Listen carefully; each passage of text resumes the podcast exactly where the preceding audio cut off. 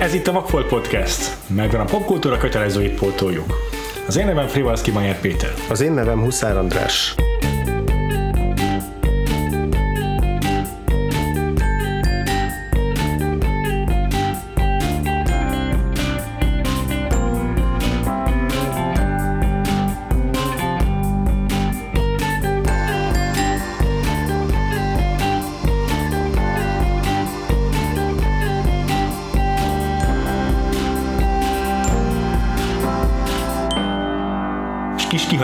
Visszatérünk a Marlon Brando blokkunkhoz, amelyben egy újabb Ilia Kezen koprodukcióval foglalkozunk. A rendező ugyanaz a személy, aki a, a Vágyvillamos a című filmet is rendezte, amit két héttel ezelőtt tekintettünk meg.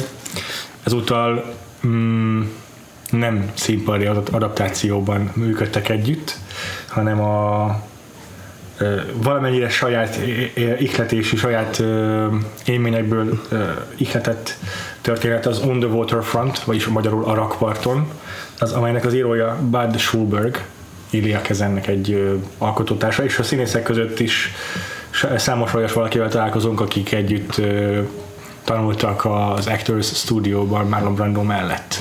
Úgyhogy egy ilyen kis családias már-már indie film ez a, ez a darab, olyannyira, hogy ez abban a korszakában készült Hollywoodnak. Melyik évben is, András? 1954. Aha, amikor a, amikor azt hiszem ekkoriban vezették be, ekkoriban mondta ki a bíróság Amerikában, hogy a stúdiók nem birtokolhatnak mozi termeket. Uh-huh. És ez eléggé nagy évágás volt számukra, mert ezzel elég, elég keményen tudták monopolizálni a filmforgalmazást. És miután ez megszűnt, azóta, azután átalakult kis a mozigyártás, nálunk, mint ahogy, ahogy, ahogy most el kell képzelni, hogy a nagy stúdiók már nem annyira költenek indie filmekre, meg, meg jó, a stúdiók eleve nem indie filmekre költenek, mert az a lényeg az indinek, hogy nem stúdiófilm, de hogy nem költenek kis költségvetési filmekre. Mm. És, és Ilya Kezennek is nagyon nehéz volt házalnia ezzel a produkcióval, mm, de végül sikerült tető alá hozni a Columbia Pictures-el. Uh-huh. Tehát azért egy nagy stúdióhoz került. Igen, igen. Csak ez egy olyan producernek volt köszönhető, aki ez egy ilyen rizikósabb húzás volt.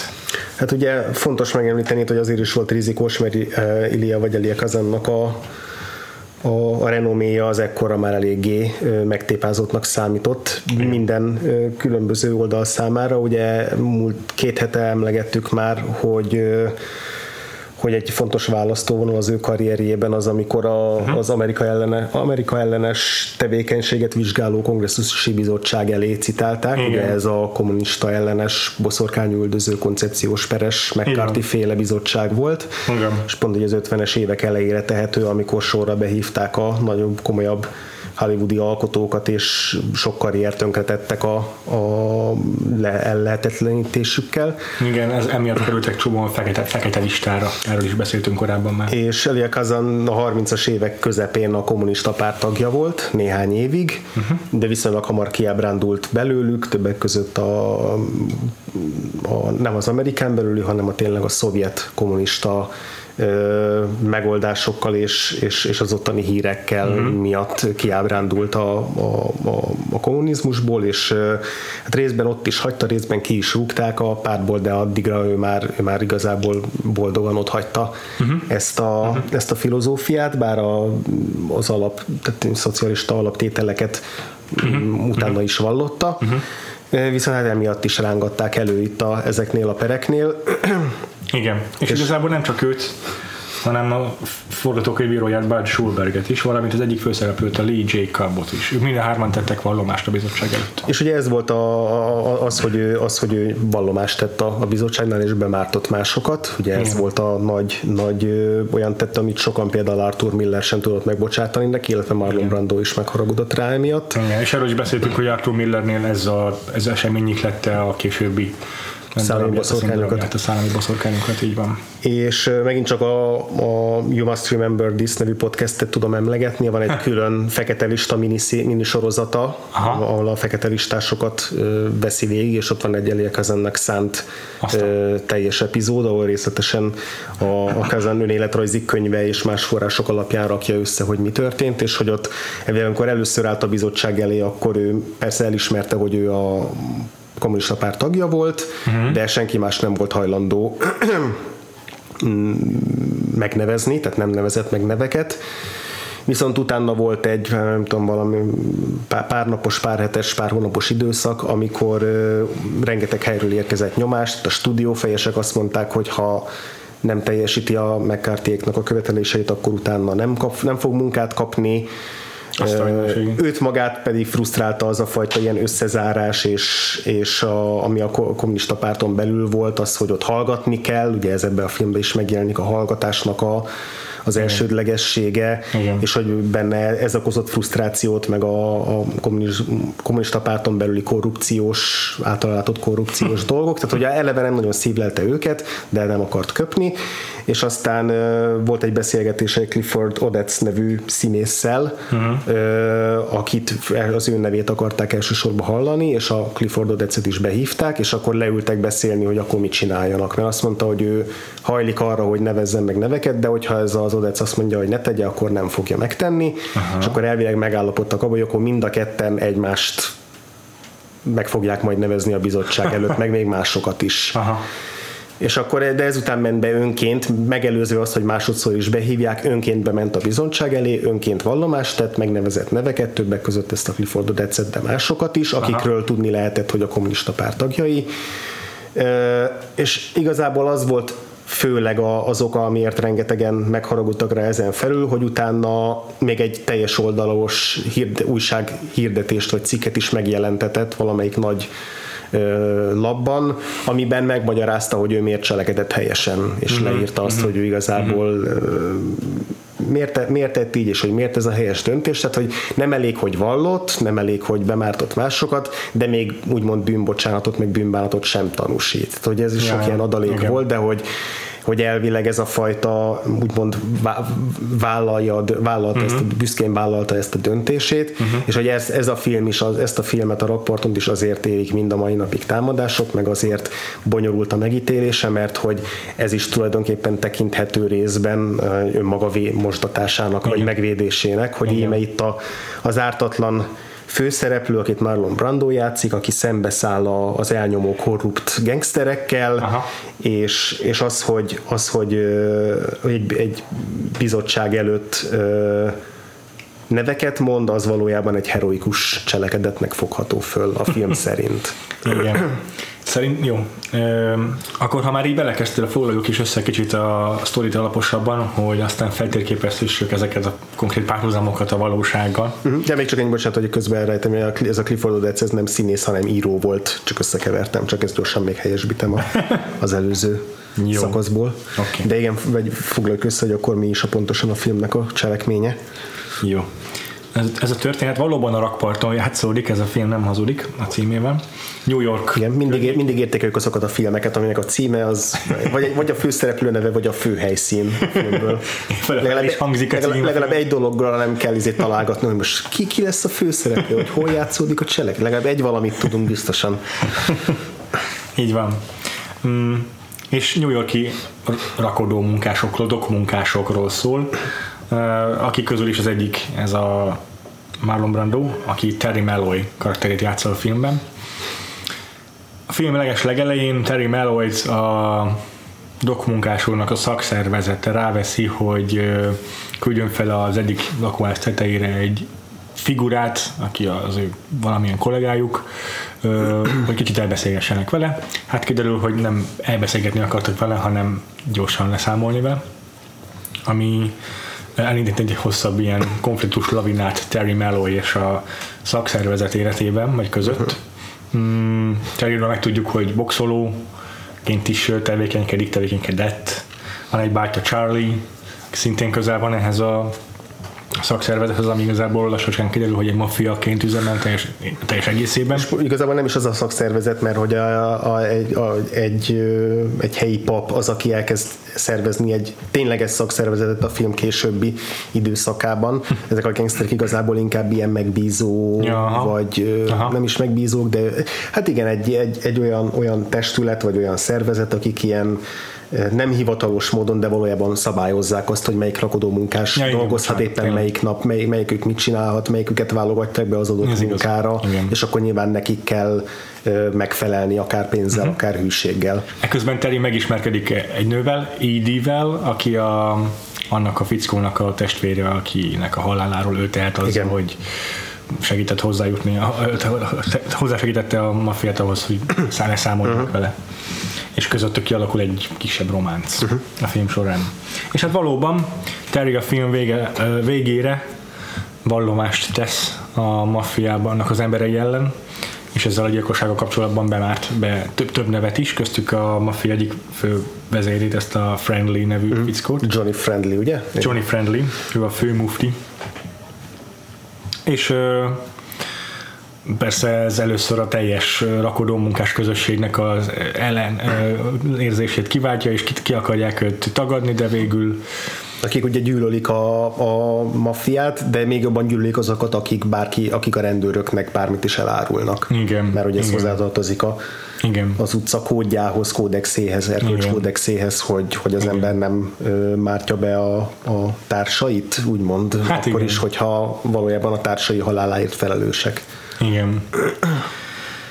Tehát még, a, még a, az elhunyt fiatalember, a Joey-nak az, az édesapja is elhallgat és izé, lebasz másokat, amikor azok Igen. amikor azok felvetik, hogy esetleg nem kéne fellépni a maffia Aha. ellen. Tehát még a leg, egyik legközelebbi hozzátartozó is ö, inkább a hallgatásnak a, a, a kódját választja. Az egyetlen kivétel ugye a, az ID pont, aki uh-huh. nem érti, hogy miért, uh-huh. miért nem tesznek semmit uh-huh. ez ügyben. És végül a film hatalmas konfliktusban csúcsosodik ki Terry és ez a, e között a Friendly nevű fickó között. Terry-től el is hangzik valami ilyesmi, hogy hogy pont azzal árultam el magamat, hogy eddig nem árultam el, nem árultalak el benneteket. és és a film végén végül valamennyire sikerül a, a, az erkölcsi győzelmet megszerezni a Terrynek, bár fizikailag jól agyonverik. Igen, mint igazából ilyen klasszikus megváltás történet. Mm-hmm. Ö, és ugye amellett, hogy a kazanéknak a saját élményanyagán alapul, de igazából ez egy valós történeten is alapul egyben. Mm. Volt egy újságcikk sorozat, ami egy valódi dokmunkásról szólt, egy bizonyos bocsánat, egy bizonyos Tony De Vincenzo-ról, aki aki valóban megjelent egy ilyen waterfront, tehát rakpart bizottság előtt, és valóban ott jelentett a helyi maffiáról, és aztán ezt túl is élte, de ugyanúgy kiközösítették maguk közül, pár lett belőle, de életben Aha. maradt, mert általában ugye ezek a, a haláluk, ja. vagy életükkel fizettek, hogyha, hogyha köptek és, és akkor e, erről született egy újság, újságcikk sorozat, ez keltette fel a, a kazanék figyelmét, ez Kazan már dolgozott korábban pont Arthur Millerrel, egy másik rakpartos sztorin, csak aztán Arthur Miller ki, ki hátrált mögüle, amit Kazan nem értett, hogy miért hátrál ki Arthur Miller e mögül, szóval kicsit értetlenül állt a dolog előtt. És aztán, aztán látták meg a, a, ezzel az írótársával ezt a történetet, és akkor el, találkoztak, és ezzel a Di Vincenzo-val elbeszélgettek vele, és vagy így magára talált ennek a figurának a történetében, hogy, Értem hogy, hogy, át, hogy tulajdonképpen átvészelte ezt az egész dolgot, és épp bőrrel kikerült belőle, és akkor, hogy ezt, ezt, ezt vették végül alapul. Aha. Na szerinted mennyire lehet megfeleltetni ennek a filmnek a történetének a szereplőit a valós világbeli szereplőkkel, tehát mondjuk a kommunista párttal, vagy ezzel a, az Amerika ellen, vagy hogy is, igen, Amerika ellenes? Igen, Amerika ellenes tevékenységet vizsgáló. a bizottság, az Un-American Acts vagy House Committee of bla bla bla. igen, igen. HUAC. Igen, igen, valami UAC néven igen. ismert főként. Szóval az és a maffia és a, a Terry Mello és Elia Kezen és és a kommunista párt, meg a, a, az ügyészséget, mm. ennek a viszonyrendszere szerinted mennyire lehet ezeket megfeleltetni egymásnak? Szerintem részben, tehát a, a a gyökere az, az valóban érezhető, hogy, hogy a kezem miért harapott rá erre az történetre, és hogy miért érezte személyesen uh-huh. é, érintetnek magát ebben a történetben. Uh-huh. Azt szerintem teljesen evidens, hogy tényleg a Terry Malloy-nak a yeah. belső konfliktusában, yeah. ezzel a hallgatás vagy, vagy, uh-huh. vagy vallomástétel uh-huh. húzavonával ez egyértelműen, és azzal, hogy yeah. végül egy pozitív színben tűnik fel az, hogy ő vallott, uh-huh, uh-huh. mert olyan emberek ellen vall, aki egy néző sem gondolja úgy, hogy őket, ő nekik meg kellett volna úszniuk ezt az Igen. egész dolgot, tehát hogy ez, ez egyértelműen ö, saját magának a, a felmentését célozza, de ugyanakkor, hogyha elkezdjük tényleg megfeltetni egymáson különböző részeket, akkor már elkezd sántítani a,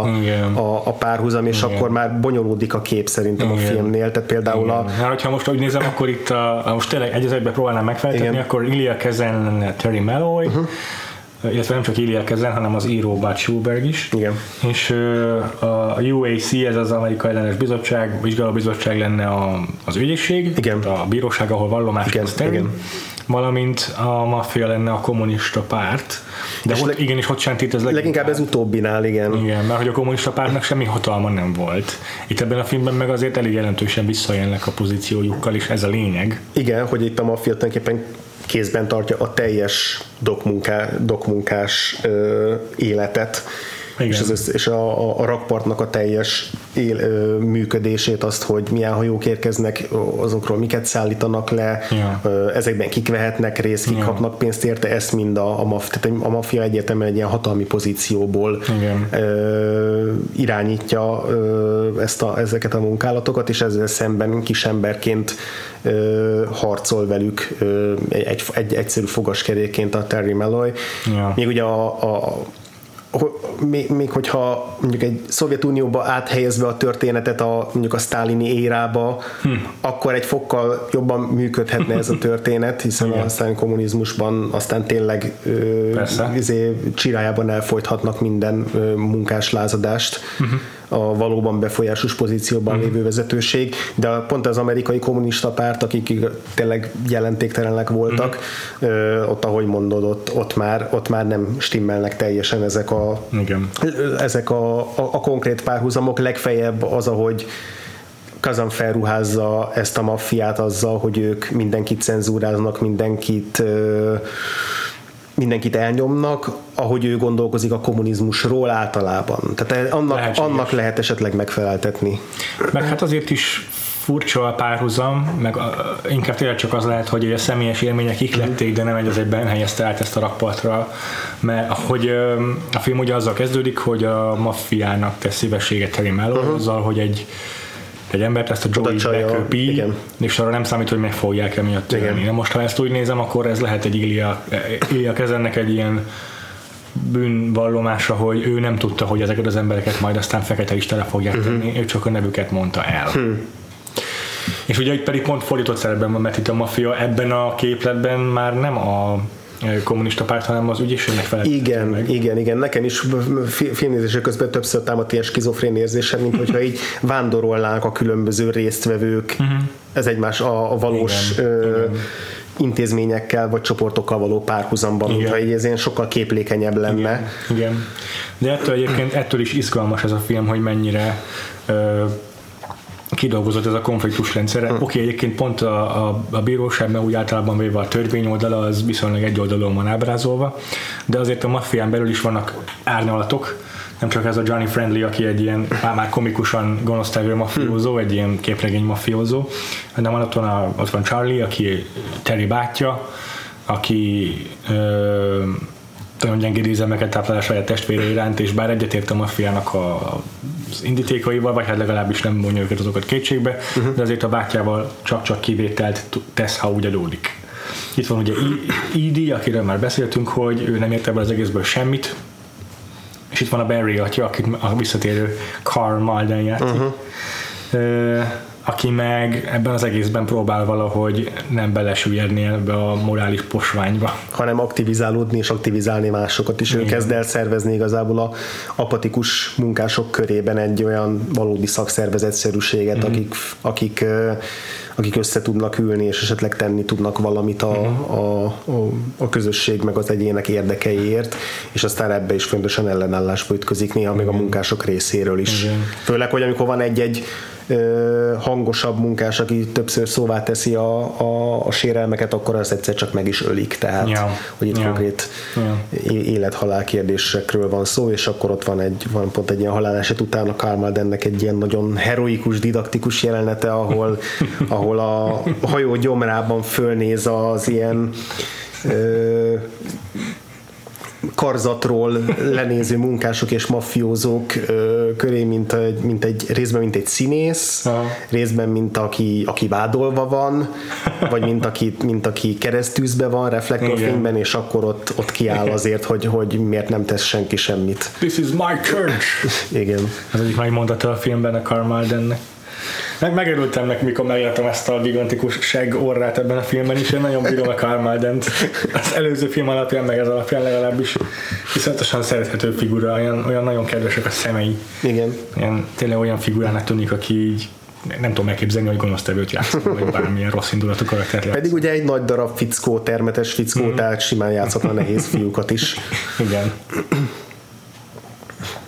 Kicsit ilyen szempontból maguk a karakterek, bár sokfélék, meg sokféle van a filmben, de maguk a karakterek egy azért külön-külön nézve azért eléggé sztereotipikus, uh-huh. kevés, kevés az árnyalat bennük. Uh-huh.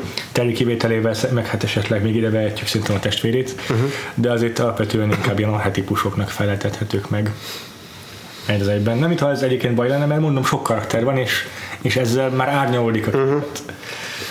és, és valahol érthető, hogy, hogy ez a történet egyfajta ilyen bármilyen élethelyzetbe, bármilyen kontextusba beilleszthető parafrázisnak kell, hogy Igen. értelmezhető legyen, amelyben ilyen arhetipusok a szereplők is. Igen, igen, ez a példázatossága, ez, Ja. ez, ez eléggé evidensen kitűnik, bár érdekes, hogy ez csak egy, egy vetülete a filmnek, Aha, tehát, hogy aha. műfajilag is, meg, meg meg így hozzáállásban is nagyon sokféle, sokféle ez a film, mert egyrészt itt van ez az egyértelmű példázatossága, hát a végére a izé, Terry Melloy már már izé Jézus Krisztussá uh-huh, avanzsálát, egy mártír lesz belőle, Igen. és így úgy, úgy kell keresztül menni a tömegen, hogy többen próbálják fölsegíteni, úgy, mint, mint hogyha a keresztúton Aha. haladna végig, A passió, igen. összeverve egy abszolút passió jelenetet láthatunk, Aha, ez teljesen, teljesen eh, nem, nem kell hozzá a Karl Malden pop karaktere, hogy ja. levonjuk Ja. a Ja. a, ezeket a ke- keresztény párhuzamokat. és, de hogy ezen kívül ugye a, a filmben van egy nagyot a gangster film, Igen. tehát igen, a, a, a maffia szerepeltetésével, és ennek a gangster filmnek a tálalása az meg abszolút noáros helyenként, Igen, ilyen sötét abszolút, sikátorokkal, meg veszélyes ballonkabátos alakokkal. De a párbeszédek is olyanok, ezek a, ezek a feszes, ilyen csattanós, Igen. fordulatos jó párbeszédek, amik egy film noára jellemzők. Igen, és, ak- és akkor itt van persze ez a társadalmi ö, film jellege, Mhm, hogy valóban osztálykülönbségekről, meg a munkások harcáról, meg, meg az egyszeri ember és Ja, a kollektíva ö, ütközéséről szóló ilyen fontos politikai film, de közben meg, meg helyenként, főleg a, a, szerelmi szál elbeszélésénél pedig tényleg ilyen indie filmes hatást kelt. Ebben itt így, így harmadik mellékszálon lezajlik a Rocky. Abszolút, tehát én ezt is írtam föl magamnak, hogy a Terry a, fi, a film elejétől a végig a Rocky-ból átválik Krisztussá. ja. De hát ugye boxolót is játszik Terry Melloy, vagy legalábbis aki volt egy boxoló karrierje, Igen. és, és aztán a film egy későbbi pontján az, egy, az egyik leghíresebb jelenetben, egy taxiban játszódó jelenetben, ugye I fel, could have been a contender. fel, fel is idézi azt, hogy hogy ha nem kellett volna lefeküdnie az egyik megbundázott meccsen, akkor akár még lehetett is volna belőle valaki. Igen. Igen. Úgyhogy És ez is elég sok filmből visszaköszön ez a fajta, ez a karakter, aki, aki elbukta a karrierjét azért, mert a, a mafiózók miatt ö, ö, fel kellett áldozni a, a saját ö, aspirációit. Ugye a Daredevilben az apuka hmm.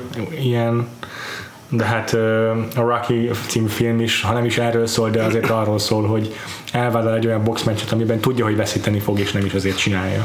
Igen, a Rokinál nekem a- az egyet, a a párhuzam az abszolút pont a szerelmi szálban tűnt föl. Nekem is. Meg annak a nagyon naturalis, naturalisztikus, bocsánat, ez rossz szó, ö, inkább realisztikus ábrázolásában, uh-huh. természetességében, uh-huh. ahogy a Igen. ahogy a, a Terry és az Idi beszélgetéseit veszi a kamera, Igen. Az, az abszolút a, csak az, sétálgatnak New York az, első, az első Rocky filmnek ezt a, ezt a naturalizmusát juttatta Igen, eszembe. Nekem is. Az első Rocky film az egy ilyen proto Mumblecore ilyen tekintetben. Azért is, mert a Stallone tényleg motyog, motyog. Végig. De a karakterek is olyanok, hogy így hogy főleg a szerelme, a Rocky-nak a szerelme, a Igen, Adrian. Adrian, ő egy ilyen proto geek csaj, aki sokkal furcsább, meg bogarásabb, mint amiket a, akár az ilyen indie filmekben megszoktunk sokszor. Mm. És, és ahogy ő, tényleg az ő beszélgetnek, meg minden az a maga kis félszegségével, meg ilyen esetlenségével abszolút nagyon természetesnek hat. És ebben a filmben is tele van ilyenekkel tényleg, hogy, hogy a Terry azt látszik, hogy nem tudja rendesen kifejezni magát, mm-hmm. meg így ö, ö, nem is, nem, ki- ki- kicsit feszeng is így társaságában. Meg tetszeni is akar, meg, meg közben nem szeretné, hogyha ő rossz fényben tűnne, színben tűnne föl, mert ugye tudja, hogy az ID annak a Johnny-nak a testvér, akinek a halálát közvetve ő okozta, tehát ez is egy, ilyen- egy plusz, Igen, igen. plusz ilyen Shakespeare-i konfliktus, vagy, vagy Aha. nehézség az ő kapcsolatukban, de hogy tényleg az, az első, első hosszabb közös jelenetük, amikor, ha jól emlékszem, pont azután, miután egy ilyen verekedéssé fajuló rajtaütésből menekülnek el a Aha. munkások, meg a maffia emberei verőlegényei közül, és akkor igazából egy ilyen vágatlan követősnitben nézzük végig az ő beszélgetésüket, tehát hogy nincs nagyon sok ideig nincs benne vágás, ami, Igen. ele, ami eleve szokatlan, Ö, és, ö, és tényleg ilyen Volcan Talk Ja. jel- jelenetről van szó, és ugye ez, egy- ez egy híres improvizációs jelenet, ami a metod színészetnek az egyik Igen. ilyen Hát- példáját mutatja, hogy a amikor beszélgetnek, és a, az ID véletlenül, a színésznő véletlenül lejtette a kesztyűjét a jelenet egyik felvétele alatt. Uh-huh. És akkor a Marlon Brando gyorsan lehajolt és fölvette, és onnantól kezdve ott maradt a kezébe a kesztyű, azzal És úgy így játszadozik vele, vele, föl, fölhúzza a saját kezére. Közben így beszélgetés, így el is feledkezik róla, mintha csak így tényleg tudat nélkül, odafigyelés nélkül csak így babrálna vele. Igen, és így nem is tudom, hogy ezt e- elsőre föltűnt ez az egész kesztyűs dolog, de ezt, ezt, ezt szerintem direkt újra néztem, uh-huh. És, és akkor így nagyon okosan, nagyon jól kijön a, ezzel a kesztyűvel az ő kettőknek a viszonya, az, hogy a, az, hogy a Terry szeretné maga mellett tartani ezt a nőt, aki igazából már a jelenet elején azt mondja, hogy ő, ő már akkor megy haza, hmm és a Terry meg próbál nem erőszakoskodni, de, de próbálja valahogy úgy intézni, hogy még ott maradjon mellette a nő, hogy még tudjanak beszélgetni, és akkor ez ugye egy jó eszköz arra, hogy még nála van a kesztyű, és anélkül a nő nem tud elmenni, és az Eva Mary szerint a beszélgetés alatt folyamatosan így nézi a kesztyűt, és, és így látszik rajta, hogy igazából már ké- kérné vissza, kérné el, de közben, közben odafigyel arra, amit a Terry mond, válaszol rá, reagál rá, és akkor itt a jelenet végén igazából még a Terry meg is nevetteti valamivel, de tudja az Idi, hogy ez nem, hogy, hogy neki nem kéne Igen. közösködni ezzel a tapló izé, rakodó munkással, de, de a jelenet végére sikerül megkedveltetnie magát a Terryvel, és egy tök jó egy, egy ilyen improvizációs ö, kis mozzanatból mennyire jól narratív eszköz lesz Aha, azzal, hogy igen. így áll össze a jelenetnek ez a, a dinamikája, hogy Igen. melyikük mit akar és hogyan próbálja elérni, és hogy a Kazan ezt nem tudta előre, de felismerte, Persze. hogy ez mennyire jól működik. Igen, hát ez az, amire a legtöbb rendező már azonnal, ahogy elejti a kesztyűt, az Eva Mary Saint így felkiált, hogy bizony, állj, állj, kezdjük előről. Írja Kezen megbízott a színészeiben, nem csak Marlon Brando, hanem Eva Mary Saint is, Saint is uh, Actors Studio-ban nevelkedett. És ők pedig tényleg azonnal gondolkodás nélkül tudtak erre reagálni, hiszen ahogy mondtuk, nem a scriptet követik, meg nem a, a kijelölt markokat kell uh-huh. bejárniuk a padlón, amerre lépniük kell, hanem ők most karakterben vannak elsősorban, Igen. és minden ehhez képest másodlagos is karakterben is maradnak, amikor hiba történik, akkor is. Igen. Nekem egyébként nagyon tetszett az ő, ő karaktere is, nem tudom, uh-huh. hogy te hogy gondoltad, meg az egész romantikus szál igazából nagyon, uh-huh. nagyon tetszett és érdekes volt. Kicsit Tényleg van benne Shakespeare, egy ilyen Shakespeare-i mm, végzetre ítél- ítéltség, és ez nagyon megindítóvá teszi. Igen, kicsit azt sajnáltam, hogy a filmnek a második felére az idő úgy, úgy nagyjából eltűnik a filmből, Aha. vagy elsikkad. Mm-hmm. Főleg ahhoz képest, hogy a film elején mennyire ő a motorja annak, Igen. hogy Terryben a lelkiismeretet fölébreszti, és egyáltalán próbálja még a papnál is inkább aktivizálni a közösséget és felszólalni, úgymond a, a, a józanész szavával, az, a, meg a, az erkölt szavával azért, hogy a Joy-t meg kéne bosszulni, vagy legalábbis valamit tenni kéne az ügyében, és így annyira, annyira aktív karakternek tűnt a film elején, és annyira erőteljesen követelt magának helyet a férfi szereplők között, és aztán ezzel a, a, a Terryvel közös jeleneteiben is annyira jó erőteljes jelenléte volt, hogy aztán egy idő után végül is visszaszorítkozott a, a, a bar, az átlagos barátnő szerepére, aki aztán persze megtudja, hogy mi tört, hogy mi köze volt a Terrynek a fivéréhez, és akkor az, igazából onnantól a kapcsolatokban nagyrészt a előre kitalálható fordulatok Igen. zajlanak végig, és már nem is igazán emlékszem, hogy hova jutnak ők a film Annyira végére, de de... válik a film végére, hogy én sem emlékszem rá. Azt igen, én is sajnáltam, hogy így elsikkadt ez a történet száll benne. Az is fura, maga az a vallomás jelenet is arra mindenképpen térjünk ki. Uh-huh. Igaz, hogy most már belementünk a színészet uh-huh. megtárgyalásába, de annak a jelenetnek a rendezése is úgy érdekes számomra. Uh-huh. Arról mindenképpen akarok beszélni. Valamiért ez a film ez rengetegszer él azzal az eszközzel, hogy bizonyos dialógusokat nem hallunk, uh-huh. hanem helyette hangeffektusok nyomják el a színészek hangját. De hát szándékosan, tehát uh-huh. itt valószínűleg ez volt, mint, nem is tudom, hogy egészen konkrétan hogy meg volt-e írva az a dialógus, uh-huh. amit ott a színészeknek mondaniuk kellett, hiszen ez eleve biztos így volt eltervezve, hogy majd nem fog hallatszani, uh-huh. mondanak. Ez mondjuk néhány káromkodásnál megfigyelhető, ami még így oké, okay, béna, ma már szitkomokban látható megoldás arra, hogy ne kell ez egy korhatáros filmben káromkodás hallatni. De itt konkrétan ebben a jelenetben Marlon Brando, amikor vallomást tesz Edie-nek, uh-huh. nem halljuk, hogy mit mond neki. Igen. Tudjuk, pontosan tudjuk, hiszen láttuk a jelenetet. Igen. Viszont abban egy szót sem hallunk. Ami azért jó, szerintem, uh-huh. azért érdekes húzás, mert így mert ez csak egy fölösleges expozíció lenne, hiszen mi pontosan tudunk mindent. Igen ezt már lehet, hogy más film úgy oldotta volna meg, hogy akkor hát elhomályosul a kép, és sötétbe vált, és vége a jelenetnek, és akkor már csak a következményeit látjuk. Itt ehelyett végig látjuk a két színésznek az arcát, uh-huh. végig látjuk a, a reakciójukat egymásra, a szavakat viszont nem halljuk, hiszen azokat már úgyis tudjuk, és, uh-huh. a, és úgyis elmondhatatlan szörnyűségekről számol be ott Marlon Brando a Eva Mary Saintnek. Igen. És tök érdekes, hogy így kénytelenek vagyunk a színészekre koncentrálni, bár bevallom engem rettentően kizökkentett az, hogy közben vonatok zakatolnak mindenütt. Na, meg azt hiszem, hogy ott izé, hajók, mert ugye hajók, hajókürt volt, mert a vízparton Igen. Mind, mindig hajók egymással. türkölnek bele minden ilyen dolgokba, igen, bocsánat. Igen, de ez, ez, ez, ez szerintem is borzasztóan jó megoldás volt, és egyrészt tényleg van egy ilyen néma filmes hatása, hogy ja. semmi másra nem, nem, nem, nem a dialógusokra koncentrálunk, hanem tényleg arra, hogy a színészek milyen érzelmeket tükröznek. Uh-huh másrészt pedig a, a, még az is hozzáad a, a, a, a terének a kétségbeeséséhez, ahhoz, hogy sejti, hogyha ezt ő elmondja, Aha. nagyon vonakodik, és csak Igen. a pap erőszakolja ki Igen. azt, hogy neki vallomást kell tennie. Igen. Tudja, hogy ezzel nagy valószínűséget tönkreteszi a kettőjük kapcsolatát. Igen és ezt a, ezt a kétségbeesést is szerintem jobban kidomborítja az, hogy, mint hogy, hogy persze ő hallja a saját hangját nyilván, meg ő a jeleneten belül tudja, hogy ő, hogy ő mit mond, de azzal, hogy amikor mutatjuk az arcát, a kétségbeesett arcát, akkor ez a hajótülkölés elveszi a hangját.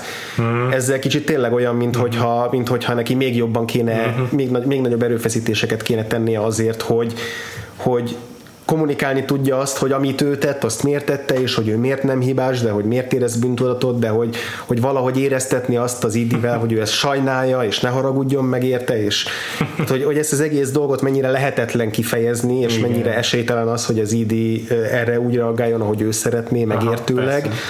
E, e, ehhez, ehhez nagyban hozzátesz az, az, hogy, az, hogy minthogyha még a hangját is elvenné a film uh-huh. amivel ezt, ezt mind el tudja mondani. Igen. Én ugye eléggé hát ha nem is azt mondom, hogy, hogy, hogy nem szerettem, de azért elég sokat kritizáltam korábban a, a, a Kazannak a, a, a rendezői eszközeit, és azt, hogy, az, azt, hogy egy, egy ilyen, pont, pont egy, egy ilyen speckó trükköt mennyire erőltetetten alkalmaz. Na, én nagyon-nagyon szerettem azt, amit ebben a filmben csinál. Tehát nekem ez az első olyan Kazan film, amit, amit abszolút teljes messzélességgel vállalok, és, és, és nagyon szerettem, és, és annyira átgondoltnak, és és izgalmasnak találtam az mhm. elejétől a végéig azt, ahogy ő a rendezést uh-huh. megoldja, akár ezekben a uh-huh. képi, auditív megoldásokban, akár ahogy a színészeket fölveszi. Nekem nagyon-nagyon egybe volt ez a film, és az összes ilyen, ilyen extra trükk, ö, vagy, vagy, vagy látványosabb megoldás sokkal jobban működött, mint a korábbi filmekben. Nem tudom, hogy te, te már korábban is jobban szeretted, tehát nem tudom, hogy nálad volt-e egy ilyen Nem, színvonalbeli ilyen különbség? szempontból nekem is sokkal erősebbnek tűnt a többihez képest az Édentől keletréhez, meg a vágyvillamosához képest is az On the Waterfront a rakparton. Öm, olyan film, amire azt mondom, hogy ezt azonnal meg kell néznem még egyszer. Mert ez a film, ez tényleg minden szinten elképesztő brutalitása erővel működik. Legtöbben egy- egyébként elsősorban a Marlon Brando alakítása miatt jegyzik ezt a filmet szerintem, de a scriptje is erős, főleg a dialógusok, Igen. jól vannak megírva. De a, tényleg Ilya Kazan rendezése is szerintem is baromi izgalmas Mhm. is, és amit mondtál, hogy itt műfajok keverednek, ez tényleg maximálisan kijön, minden jelenetben pontosan tudja, mit kell csinálnia, Mhm. uh-huh. és hogyha ez azt jelenti, hogy kicsit sti- stilizáltabban ábrázol dolgokat, akkor azt csinálja, és Igen. mű- tud, működni, ami általában pont, hogy nem szokott működni. Igen.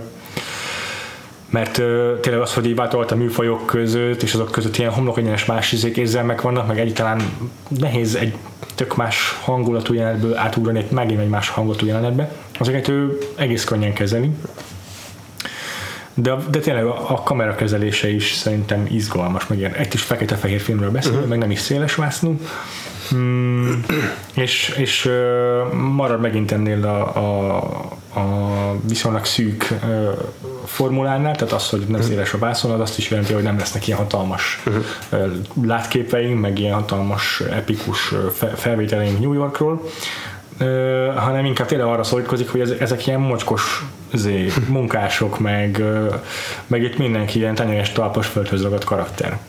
És ezt is marha jó visszaadja minden képével. De tényleg izgalmasak, ahogyan a Carmaldent veszi, amikor ebben a hajó belsőben uh-huh. áll. Bírtam nagyon a mafiózós jeleneteket is. Ö, fú, tényleg meg kéne nézni még egyszer a filmet ahhoz, hogy erről igazán tudjak beszélni. Igen. Ez egy olyan, számomra ez olyan film, amit így ilyen, most elkezdtük ezt az adást felvenni, de mégis úgy érzem, hogy egy fontos impostor szindróma így nyom lefelé. Erről nem tudok elég jól beszélni. Említetted itt azt, hogy, hogy ugye nem széles vásznú a film, hanem Aha. a klasszikus Hiszem 4-3-as képarány? Hát ilyen 1.33, igen. Ja, igen, igen. De az a, igen, az a Igen, 4-3-as az- képarány. Csak egy úgy mondják, hogy Na most ebben az, az az érdekes, hogy, hogy én meg szélesvásznú verzióját láttam a filmnek, ugyanis ez pont abban az időszakban készült ez a film, amikor már bejöttek a szélesvásznú filmek ugye a, az amerikai mozikba, a tévével Aha. szemben, tehát Aha. ugye a CinemaScope-tól kezdve az összes Aha. ilyen Aha. nagyszabású megoldás, és egyre több volt a, az 1.85-ös szélesvásznú képarány. Ha. És itt a, a Columbia Pictures főleg azt az taktikát követte, hogy akkor úgy vegyék föl ezeket a filmeket, tehát eleve az operatőr úgy készítse el, hogy több különböző formátumban is ugyanúgy lehessen vetíteni. Mert van olyan mozi, ami csak a 4-3-as Aha. arányt tudja követni, Aha. van olyan, ahol már az 1.85-öset Aha. is, van olyan mozi, ami azt még nem képes, de mondjuk az 1.66 egy arányt, azt, azt, azt még le tudja követni a, izé, a kivetítő, és akkor igazából ö, a, azt hiszem Boris Kaufmannnak hívták a film operatőrét, direkt úgy vette fel a jeleneteket, hogy, az, hogy, hogy tudatában legyen annak, hogy a különböző képkereteknek a kivágataiba milyen információk kerüljenek, ami tök Aztán nehéz, meg nagyon- tök fontos, hogy gondolj bele, nagyon. nyilván te is tudod, hogy a hogy az, hogy mi szerepel egy képen belül, az mennyire, mennyire hozzáad a, a jelenetnek a tartalmához, hangulatához. Igen. Az, hogy hogy kiszélesedik a kép, és mondjuk a környezetből jóval többet Igen. vesz bele, vagy sem. Igen. Itt ugye még úgy valósították meg ezt a, a, a váltást, hogy nem úgy, hogy ugye szélesebb ö, objekt, nagyobb objektível vagy szélesebb képpel ö, operáltak, hanem hogy fogták az eredeti 4-3-asat, és ugye a, És kivágták, ki, tehát kivá, ki, kivágtak föl, roppolták. fölül alul, ugye ilyen fekete csíkkal, és aztán abból lett a, a Jó. szélesebb vászon. Aha, mert most már ugye pont fordítva szokott történni, Most hogy fordítva- 4-3-ra vágják. igen, most már fordítva szokott történni, tehát ezért van az, hogy ennek a filmnek, meg lehet nézni most a legutóbbi kritériunon több változat, mind a, Azt a- mind a három változatát föltették. Azt és én valószínűleg a, Aha. ebből az 1.66-osat ö, Értem. találtam meg a neten. Aha. Vagy azt néztem meg, te meg a, a, az 1.30, vagy a 4.3-asat, 1.33-asat, és hogy például a 4.3-asnál sokkal több a, a, a tér, érdekes módon mondjuk a szereplők feje fölött igen, vagy alul. Igen, Tehát, hogy igen. mivel, mivel ugye szereplőket középre rakják, pont igen. azért, hogy a, a, a levágodba is középen maradjanak a szereplők, igen. ne nyisszantsanak le hasznos, hasznos tartalmat. Igen. Viszont ez azt eredményez, hogy pont a 4-3-asban valahogy több a tér. Igen több, többet látunk a környezetből. Igen. Míg a széles vászlonnál, főleg a, a közeliknél sokkal intimebb és sokkal klaustrofóbabb az, hogy csak a szereplők fejét látjuk adott esetben, csak a Marlon Brando arcát közvetlen közelről, és a környezetből jóval többet levág, érdekes módon pont a széles vászló verzió. Ez tök érdekes, és ez pont tényleg kontraintuitív, és lehet, hogy, lehet, hogy nem nem tudom jó szavakba önteni, de tényleg volt egy ilyen érzésem a film során. Ugye pont az, amit mondasz, ma már pont fordítva szokott történni, tehát hogy a 4-3-as kép van levágva, és igazából a széles vászonra van felvéve ebbe a igen. film, széles celluloid szalagra, és, vagy hát mindegy. És, és ezért a horizontálisan több a tér, ami természetes. Igen. Hiszen amúgy is hasonló a Igen. meg egyébként is a Föld görbül, tehát a, uh-huh. na szóval horizontálisan többet szoktunk befogadni, meg több információt tartalmaz a, a, a, a környezetünk. És ez a film meg pont attól, hogy csak fölfelé tud terjeszkedni, teljesen ellentétes hatás vált ki, és nem az, hogy itt ilyen gigantikus terek vannak, hanem nagyon szűk, szűk, szűk a tér, és úgy érzem, hogy tényleg ilyen szempontból így New Yorkban benne érzem magam, uh-huh. ez, a, ez a hely ez fölfelé terjeszkedik csak. és ugye rakvartot is úgy érzem, hogy itt így mint a heringek állnak az emberek, meg úgy mennek dolgozni, hogy így nem férnek el egymás mellett mhm. jól, uh-huh. mert minden csak így fölfelé tud elférni. Nagyon fura meg ez Aha. a biztos bullshitnek hangzik, de tényleg a filmről ez az élmény marad meg bennem leginkább. Nagyon más, más képzetet kelt a, a, a kétféle ö, képkivágás, mm. tehát tényleg annyira, annyira különböző oldalát domborítja ki anna, a, a főszereplő drámájának annak, hogy ő hogyan érzi magát a környezetében. Mert ennél a filmben tényleg tök fontos az, hogy ő, mint egyén, a nagy tömegen belül hogyan tud érvényesülni. Tehát azért mm-hmm. ez a film alapvetően yeah. szól a, yeah. az individualizmus, kollektivizmus ellentétéről, arról, mm-hmm. hogy van egy nagy tömeg, mondjuk mint a munkások tömege, akik közösen úgy döntöttek, hogy ők lehajtják a fejüket és teszik a dolgokat, és nem lázadnak a maffia ellen, és nem vallanak Igen. a kormánynak. Igen. És ha valaki ezzel szembe szembeszegül, akkor azt kiközösítik, felőrlik. Igen. E, és Terry Malloy a film első felében még ki is mondja többször, hogy ő csak Terry Malloy érdekeit nézi. ő csak azzal foglalkozik, hogy ő hogyan halad előre az életben, hogy ő mit csinál, és a film arról szól, hogy ő hogyan ismeri fel azt, hogy ki kell állni egy közösségért, de akkor hmm. is, hogyha a közösség azt nem akarja. Hmm. És, hogy, és hogy, hogy nem csak az egyéni, individuális érdekeket kell szem előtt tartania, hanem a közösségét is. Aha és aztán Igen. a végén, arról még beszéltünk, hogy a tömegnek a végén milyen a, a szerepe az utolsó jelenetben, hogy hogyan Na, áll mellé, meg hogyan nem áll mellé, mert az is egy, az is egy érdekes jelent. De hogy ilyen szempontból tök fontos az, hogy a képben őt hogyan látjuk a tömeg közepén, és az mennyire törpíti őt el, meg yeah. milyen módon. De igen, szóval nekem kicsit, kicsit bajba voltam én a film végén a tömegnek a lélektanával, meg azzal, hogy ők hogyan viszonyulnak hozzá, mikor Aha. döntenek úgy, hogy Aha. mellé állnak, mikor nem. Ezt, ezt te hogy láttad? Hát Hát igen, ott kicsit először úgy éreztem, hogy ez csak dramaturgia, dramaturgiai okokból történik úgy, hogy először mindenki ellene fordul, uh-huh. aztán meg hirtelen mindenki befogadja Terry Malloy-t, miután elhagyja budálják egymást a maffia főnökkel.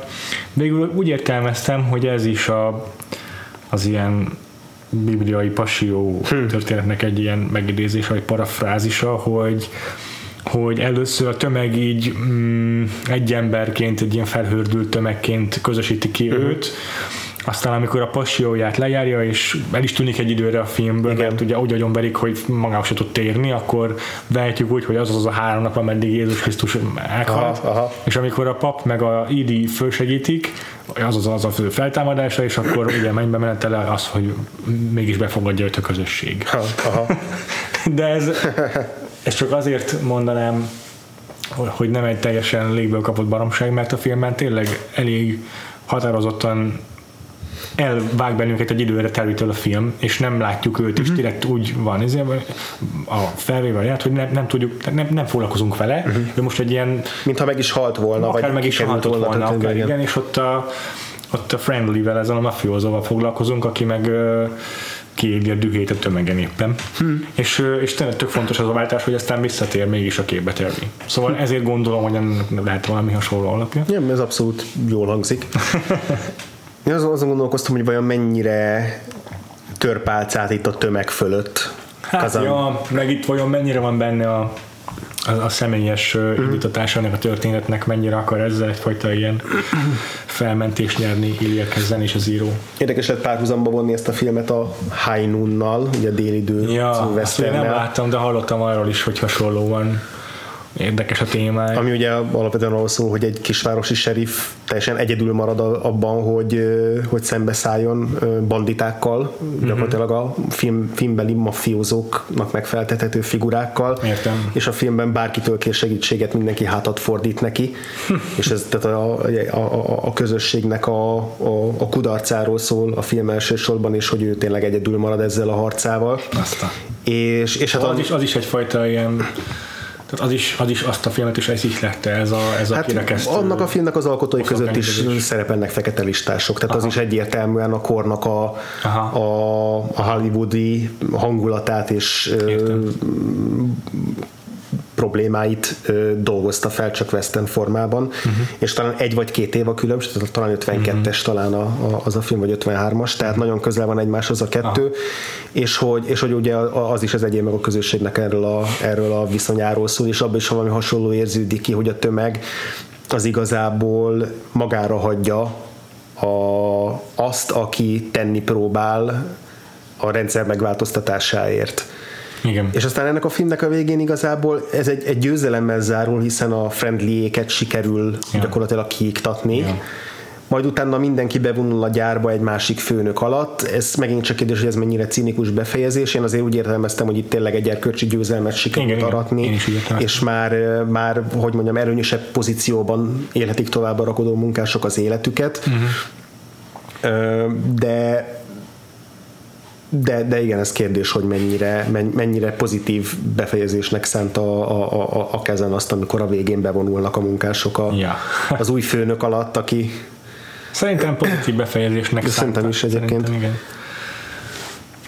de valahogy szerintem pont, pont amiatt is, mert hogy ennyire, ennyire személyes sértettség is, vagy ha, ha nem is sértettség, de, de minden esetre ö, az a, szem, az a személyesség mozgatta a, a Kazant meg, a, meg az írót, ö, ahogy ők átélték ezt az egész ö, Igen. Amerika ellenes bizottság előtti jelenlétüket, és ahogy aztán a, a közösségük, szűkebb és tágabb közösségük reagált erre, hogy a barátaik elfordultak tőlük, Igen. hogy utána még nem kaptak munkát évekig, mert nem vallottak azonnal, hogy Kazannak is bizonyítania kellett a vallomása és a rakparton között egy, egy, hmm. egy nyíltan kommunista ellenes filmmel, tehát ö, biztos, hogy ezek is mozgatták, és talán ezért is nem olyan, nem olyan tiszta az a képlet, hogy a tömeg hogyan jelenik meg, mert hiszen egyrészt ők képviselik azt, akikért harcolni érdemes, de ugyanakkor ők azok, akik nem segítenek ebben a harcban. Uh-huh. Uh-huh. Úgyhogy ez szerintem egy ilyen érdekes eleme ennek a filmnek. Tényleg az. Viszont ugye általában a színészekkel szoktuk mindig kezdeni, a választott színészünknek az alakításával szoktuk kezdeni ezeket az adásokat, most akkor ezzel is, ha nem is zárhatjuk le, de az utolsó nagyobb Szerintem is. blokja a, a rakparton kibeszélésének a szólhat Brandonról, mert hogy azért nagyon, nagyon más ez az alakítás, mint amit a vágyvillamosában láttunk tőle, nem? Igen, szerintem is. Ez, engem ez lepett meg a legjobban. Mármint én tudom, hogy őt jó színésznek tartja mindenki az égvilágon, de azért azt gondoltam, hogy ez azt is azt fogja majd jelenteni, hogy, hogy hogy azt a bizonyos fajta figurát, aki ilyen zabolátlan, Aha, aha. nyers erő, ezt nagyon jól tudja csinálni. Ja, ja. De abszolút nem erről van szó. abszolút nem erről van szó, és ez le, ledöbbent, tehát mennyire tényleg mennyire más. És miben, miben volt más? Uh, nyilván vannak Brandonnak, meg a színészetének, meg a személyiségének, és a, a egyszerűen Technikájának, a, igen, meg- technikájának igen. sajátosságai, amelyeket itt is látunk visszaköszönni. Uh-huh. Már az előző adásban is beszéltem arról, hogy magas a hangja, és ez ilyen furcsa furcsa dolgokat kölcsönöz az a karaktereinek szerintem. Uh-huh. Nekem szokatlan, hogy hogy egy ilyen férfias fickónak a, a, nem olyan hangja, amit, amit megszoktam a filmekben a férfias fickóktól, hanem egy kicsit ilyen, ilyen, ilyen picsogós ezért tudja néha venni. Ö, ö, szinte már már sírós a hangja néha. Uh-huh. És, ö, és ez megmarad itt is, de itt már még inkább rájátszik arra a, arra az érzékenységére, amelyet a vágyvillamosában még annyira nem láttunk tőle. Mert ez egy teljesen más, ez egy tényleg egy vad- vadbarom karakter Igen. volt. Igen, ez a figura viszont annak ellenére, hogy egy tenyeres, talpas, koszos, rakodó munkás, hát akinek- lehetne tök hasonló, mint a, mint a ezért a vágyvillamosában volt. Igen, hát meg ugye olyan, olyan figura, akinek ugye annyit gyepálták meg már az agyát, meg a fejét a izé, boxmeccseken, hogy azért az rajta hagyta a nyomát Igen. a, Na. az észjárásán is. Igen. Na és ehhez képest nem azt látjuk, hogy egy ilyen ö, nagy darab bunkó, hanem, hanem tényleg egy baromi érzékeny figura. És először szokatlan volt őt úgy nézni ebben a filmben, hiszen kicsit így azért van is egy ilyen sminkmesteri munka Igen, rajta, hogy más az a, arca. uh-huh, hogy azt ábrázolják, hogy tényleg őt már azért jó párszor ö, ö, bucira verték, és ilyen hatalmas táskák vannak a szemei fölött, Igen. mert, mert ott már annyiszor fel lesz vágva valószínűleg. Igen. Mm, és emiatt így furcsa volt, meg, meg nagyon tényleg így ne kellett szoknom ebben a filmben Marlon, Marlon Brando. Igen. De, de aztán egy idővel Olyan, olyan volt, mint hogy már közelebb lenne a keresztapás Don Corleone Ja. archoz, mint a vágyvillamos, az pedig mennyivel igen. több évtized választja el. igen, nekem is ugyanez volt az érzésem. De valahogy azért majd túllendültem, hogy a film változtatott az ő ábrázolásán, de nagyon-nagyon megszerettem Brandot ebben a filmben, nagyon imádtam ezt a karaktert, és abban a bizonyos jelenetben, amikor a, amiről már beszéltünk a, a nagy monológiáról, amit a testvérenek mond, uh-huh. hogy ő lehetett volna jó boxoló is, hát ott meghasadt a szívem érte tényleg. Az egy borzasztóan jó jelenet. Tehát ez nem, nem véletlenül a, a, a leghíresebb jelenete a filmnek. Nem, én nem tudtam, hogy ez a híres jelenete a filmnek. Én a Nem fi- volt meg ez az izé? Nem. I could have been a contender. Nekem ez nem volt meg. Nekem a, a film végén a rakparti verekedés, meg az Aha, összevérzett igen. arc, az, az a része meg volt. Értem. Azt tudtam, hogy oda fog kifutni a cselekmény. De nem, ez, a, ez, a, ez az idézet meg az a jelenet, ez nekem abszolút nem volt meg. És a jelenet közben eszméltem rá arra, nem arra, hogy ismerem, mert nem ismertem, Aha. hanem arra, hogy úristen, ez egy iszonyatosan jó jelenet. Na nekem ennél a jelenetnél volt az, amiről korábban beszéltünk, hogy a izé kapcsán a From Here to Eternity Aha. kapcsán vannak ezek az ikonikus legendás Aha. jelenetek, és így mikor megnézed, akkor hogy ha, ez egy jelenet volt. Amit most láttam. És így túl vagyok rajta. Aha. Most ez be van írva már a, a kis memóriámba, vagy ahogy hívják a memoáromba, hogy láttam azt a híres jelenetet, és így kész. De ebben a jelenetben én tényleg ú, ú, ú, szegeződött tekintetem a film, vagy a, ezért tévére, hogy így úristennek most szemtanúja vagyok, és így egyrészt ez, Aha. másrészt, hogy tényleg teljesen lehengerelt az a jelenet. Az a párbeszéd a két színész között, mindenketten Actor Studio, mindenketten elke- a pályájú csúcsán vannak, a életű legjobb alakítását nyújtják abban a jelenetben valószínűleg. Ott tényleg történelmi pillanatot éltem át abban a pillanatban. De igazából annak ennek pont a, a, a filmezés az a lehető legegyszerűbb, hiszen a, egy taxin belül szemből veszi a Ja. két szereplős snit, Ja. szemből veszi a kamera, semmi trükk, semmi extra bizé, rendező megoldás nincs benne. Igen, abszolút. Én Viszont- viszont ezzel-. Viszont ezzel ugye arra is vagyunk késztetve, hogy a, tényleg a, a két szereplőnek a viszonyban, a két színésznek az alakítását figyeljük. Igen. És Charlie-t, tehát Terrynek a testvérét, akit Rod- Rod Steiger játszik a filmben, Igen, igen. ővele párszor találkoztunk, de nem volt azért annyira jel, domináns figura. Tehát Mhm, mm-hmm, visszatérő, de egy, egy, egy visszatérő mellékszereplő volt. Sorol, aki, és azt gondoljuk, hogy egy a mafiózók közül, Igen. és ugyanolyan, mint a többi. igen, aztán nyilván megbonyolítja, amikor megtudjuk, hogy ja, hogy ő, ők testvérek, Aha. igen, akkor ez így érdekesebb. Aha. Meg már addig is úgy érdekesnek tűnt ez a nem, nem egy klasszikus mafiózó volt, hanem inkább, inkább az a fajta mafi, mint amikor a, ma- a mafiózók könyvelője. Tehát egy Ja, kicsit olyan, olyan alkat volt, aki, aki ilyen halkszavú, racionális, benne van a maffia sűrűjében, tehát a, Ja. a legmélyén, de ugyanakkor mégsem egy, egy erőszakos odállat. Igen. Ö, és, és pont ebben, ebben a jelben meg iszonyatosan jól megszületik ez a karakter a maga teljességében, és egyrészt tényleg mind a ketten, mind a ketten szenzációsan játszanak, egymásból kihozzák a legjobbat, tehát annyira érezni ebben a jelenetben, mind a ketten jelen vannak, egymásra figyelnek, és egymást erősítik, és egymásból hozzák Igen. ki a, tényleg a legjobbat. És hogy ott, ott áll össze igazán ez a testvéri kapcsolat, ami tök vicces, mert a film kétharmadánál járunk kb. Ja, és igen. ezután, Igen. ezután a film meg is öli Charlie-t, uh-huh. ami az utolsó, uh-huh. ö, utolsó lökés lesz Terrynek Igen. azért, hogy valljon. Tehát onnantól kezdve már tényleg semmi kérdés nem merül fel, hogy neki vallania kell a maffia ellen, miután Igen. felnyársalják, fel, felnyársalják a testvérét bosszúból. Igen. De de az, hogy az, az üssön, és ne csak egy dramaturgiai fordulat legyen, uh-huh. hanem át, uh-huh. átérezzük, uh-huh. ahhoz kell ez a jelenet, hogy itt lássuk, Nagyon. hogy ez a két testvér hogyan, mi a múltjuk, mi, mi a viszonyuk, hogyan élnek együtt, mi, mi, mi, mi a konfliktusuk. Másodjára megnézve, amikor már tudod, hogy Charlie ezzel a saját vállalos ítéletet írja alá, Mert hogy ott, bocsánat, mert hogy ott Charlie arról próbálja meggyőzni a, Ó, igen. a Terryt, hogy hogy, most hogy eleve azért viszi most már el, már, már ki van neki parancsba adva, hogy most oda, fog, oda fogja vinni a mafiózók elé, ahol ki fogják biztos vége lesz. És ő meg azt mondja, hogy de ő még megpróbálja meggyőzni. Tehát ő még Aha. megpróbálja a kocsiban valahogy Igen. elintézni azt, hogy, hogy ne valljon, hogy, hogy, hogy fogadja el a maffiának az Igen, és utasításait. akkor talán nem ölik meg. Igen. De Terry nem hajlandó ugye Hallgatni rá, igen, eh, hallgatni rá, és akkor Charlie azt mondja, hogy jó, hát akkor úgy teszek, hogy elmenekültél uh-huh. egy tízhez az esélye, hogy elhiszik. Itt is látszik ez, amit mondtál, hogy ő ez a a könyvelő a mafiában, vagy a fene se tudja pontosan mi az ő szerepe, de hogy itt is így a, az ilyen odzokkal gondolkozik, meg az ilyen maffia bizniszben gondolkozik, hogy itt uh-huh. próbálja megsatszolni a saját esélyét, Igen, igen, igazából igen. a saját túlélésére, és hogy valójában, amit itt látunk, hogy először azt hiszük, hogy azt hiszi Charlie, hogy a saját testvérét viszi a, Mhm. a bitófára, aztán később ez így megfordul. Ez egy szakítós jelenet, ez, ez szinte egy romantikus jelenet. Igen. Ezt egyébként a színész is mondta, aki a Charlie-t játsza, az Rod Steiger, hogy ez tényleg egy ilyen love scene számára, egy ilyen romantikus jelenet, csak szerintem ez egy szakítós jelenet inkább. Uh-huh. Tényleg végig úgy beszélnek, hogy így milyen lehetett volna a kapcsolatuk, milyen volt, amikor még, amikor még virágzott az ő kapcsolatuk, és hogy, és hogy ez már az utolsó, uh-huh. ez már a búcsú jelenet közöttük. Ez nagyon jó. Igen. És tényleg annyira felfokozottak itt az érzelmek, a zene is, ugye Leonard Bernstein, azt hiszem a zeneszerző, vagy Leonard Bernstein, na ő az, aki, aki kezel mellett, a másik, aki minden műfajban pontosan tudja, hogyan kell, és otthon van, mert minden, csomóféle zenei témát használ a filmben, ilyen durva, perkusszív, már, már horror témáktól kezdve Igen, a lehető témáktól, igen. rom- romantikus zenéig. Na itt is pontosan tudja, mivel kell ezt a zenét, ezt a jelentet aláhúzni, milyen zenébe, minden tökéletesen a helyén van, és ettől tényleg egy ilyen elképesztően megindító Nagyon tragikus Jelenet. Nagyon- nagyon nagyon tragikus.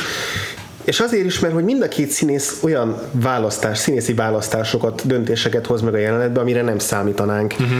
Tehát van, az a, van, egy olyan, jel- van egy olyan pillanat a beszélgetésben, amikor a, amikor a Charlie végképp már nem tudja szavakkal meggyőzni a testvérét, és akkor így hirtelen meggondolatlanul elpisztolyt ránt, és azzal fenyegeti meg Ja, a testvérét. ja. És ott a, megint csak egy improvizáció, megint csak a Brandónak a, a, a, a megélt színészetének a, az egyik eh, példája, Aha. az hogy, az, hogy nem félelemmel reagál, nem düvel reagál, hanem, hanem egy csalódottsággal és Ja. szomorúsággal. És engem az készített ki teljesen, Igen. ahogy akkor a Igen. Charlie nevét Igen. mondja, hogy ó, Charlie, és ahogy Aha. gyengéden félretolja a pisztolyt, és, Igen.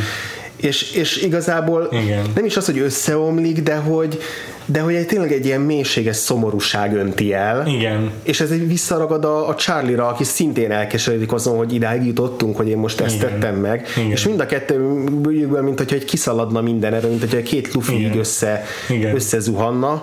Igen. És, És annyira más, mint amit tényleg elgondol, sokkal gyengédebb, tényleg ez a szerelmi jelenet, szakítós jelenet, sokkal gyengédebb az, amit egy két, két férfinak a, a, a, a maffia körüli ö, Ja. csúcspontjától várnánk. Ja. És akkor igen, itt hangzik el ez a híres mondat, amit már többször is idéztél, de azért idéz még egyszer. I could have been a contender. I, I, I, így hangzik pontosan, most nem mondom a Marlon Brando hangján végig. I could, I could have had class. I could have been a contender. I could have been somebody.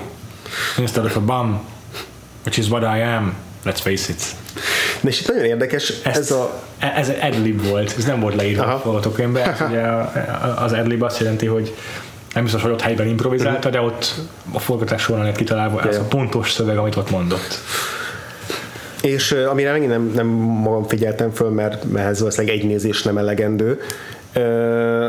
Azt a, azt a párhuzamot már fejben összekötöttem, hogy beugrott biztos a fekete-fehér képű világról is a, a dühöngő bika, a scorsese a dühöngő bikája. Mivel azt is csak egyszer láttam, ezért nem esett le, hogy egészen konkrét egyezés van a két film között, hiszen annak a filmnek a végén a kövér le, lepusztult Igen. Jake LaMotta, amikor a hakni fellépésére készül a tükörről, ezt a monológot gyakorolja Új. konkrétan, mert ugye neki Terry a példaképe. Aha. és és nem, nem, nem, ez nem saját megfigyelés, a, a, a, a neten láttam, vagy neten olvastam, hogy mennyire fontos, hogy ebben a mondatban az I could have been somebody, ebben a mondatban mit, mit, mit hangsúlyoz a szereplő, mert a Marlon Brando a somebody-nak az első felét hangsúlyozza. Aha, aha, I could have been somebody. somebody. És ezzel, ezzel ad egy pátoszt a jelenetnek, meg egy igazi tragikumot, hiszen ez nem, nem egy sértettség, meg nem egy miért nem lettem valaki felháborodás tükröződik ebből, hanem egy... Nem az van, I could have been somebody. hanem, hanem egy szomorúság azért, hogy valaki lehetett volna belőle. Tehát, igen, hogy lehetett volna igen. egy olyan élete, ahol, ahol nem egy nem egy, nem egy bam. Nem egy átlagos senki. Nem egy földön futó. Igen, igen, igen, igen hanem, hanem, hanem olyas valaki, aki, akinek nem is csak teljesebb élete, hanem erkölcsi tartása is lehet, akinek tehát aki, té, aki tényleg egy teljesebb életet élhetett volna. És, és, és egy, egy olyan identitással rendelkezhetett volna, amit ekkor a, a Terry úgy érez, hogy neki nincsen. Hogy neki már nincs egy olyan, ide, egy olyan erős gerinces identitása, aha, amiben aha. meg tudná határozni meg. Mert ez egy identitásválság is ez a film. Igen. Azt dolgozza fel, hogy ő most milyen ember, milyen ember lehet, Igen. milyen ember akar lenni, milyen Igen. ember tud lenni egyáltalán. Hm. Mit jelent az, hogy ő, mint Terry Melloy kicsoda azon aha. kívül, hogy Igen. ő így éli a maga izé, egyszerű igen. teljesen primer életét. Egy állásfoglalás, hogy egy olyan világban, ahol mindenki mást vár el tőle. Uh-huh, igen, és hogy, és hogy meghatározni saját magát. Uh-huh. És ezért is fájdalmas ez a mondat, mert hogy ezzel azt mondja, hogy lett volna egy időszak, amikor kialakulhatott volna ez, igen. ez a személyiség, ami, ami aztán végigvihette volna az élete későbbi részében. Igen. És ez eszemben, amikor a Jake LaMotta mondja ezt a mondatot, akkor ő a bint hangsúlyozza, hogy I could have been somebody, és valahogy azzal, hogy azt hangsúlyozza ki, benne inkább azt, a, a, az, az érzé, azt lehet érzékelni, hogy ő haragszik a világra, amiért ő, amiért ő nem lett sikeresebb, nem lett nép, népszerűbb, amiért Aha. ellene minden összeesküdött. Aha. Valahogy ez, ez az egyszerű hangsúlyozással Aha. sokkal jobban lejön az, hogy a Jake LaMotta teljesen félreérti Terry Malloy történetét, teljesen Aha. félreérti a rakpartont, és nem a valódi tragikumát érzi át a, a, annak a filmnek, hanem azt, hogy egyszerűen nem érti, hogy ő belőle miért nem lett valami sikeres, hogy ő miért csúszott le ennyire, nem érti, hogy az az erőszakosság, hmm. amivel ő leélte teljes életét, uh, ahogy a barátnőjét kezelte, yeah. ahogy a maffiával próbált bánni, ahogy a ringben viselkedett, yeah. hogy, hogy amit a ringben csinált, azt kiterjesztette az életére, és hogy yeah. ez miért pusztította el az összes kapcsolatát, ezt nem fogja föl, mert benne az van, hogy, hogy, hogy, valaki hogy, hogy, hogy ő lehetett volna, lehetett volna valaki.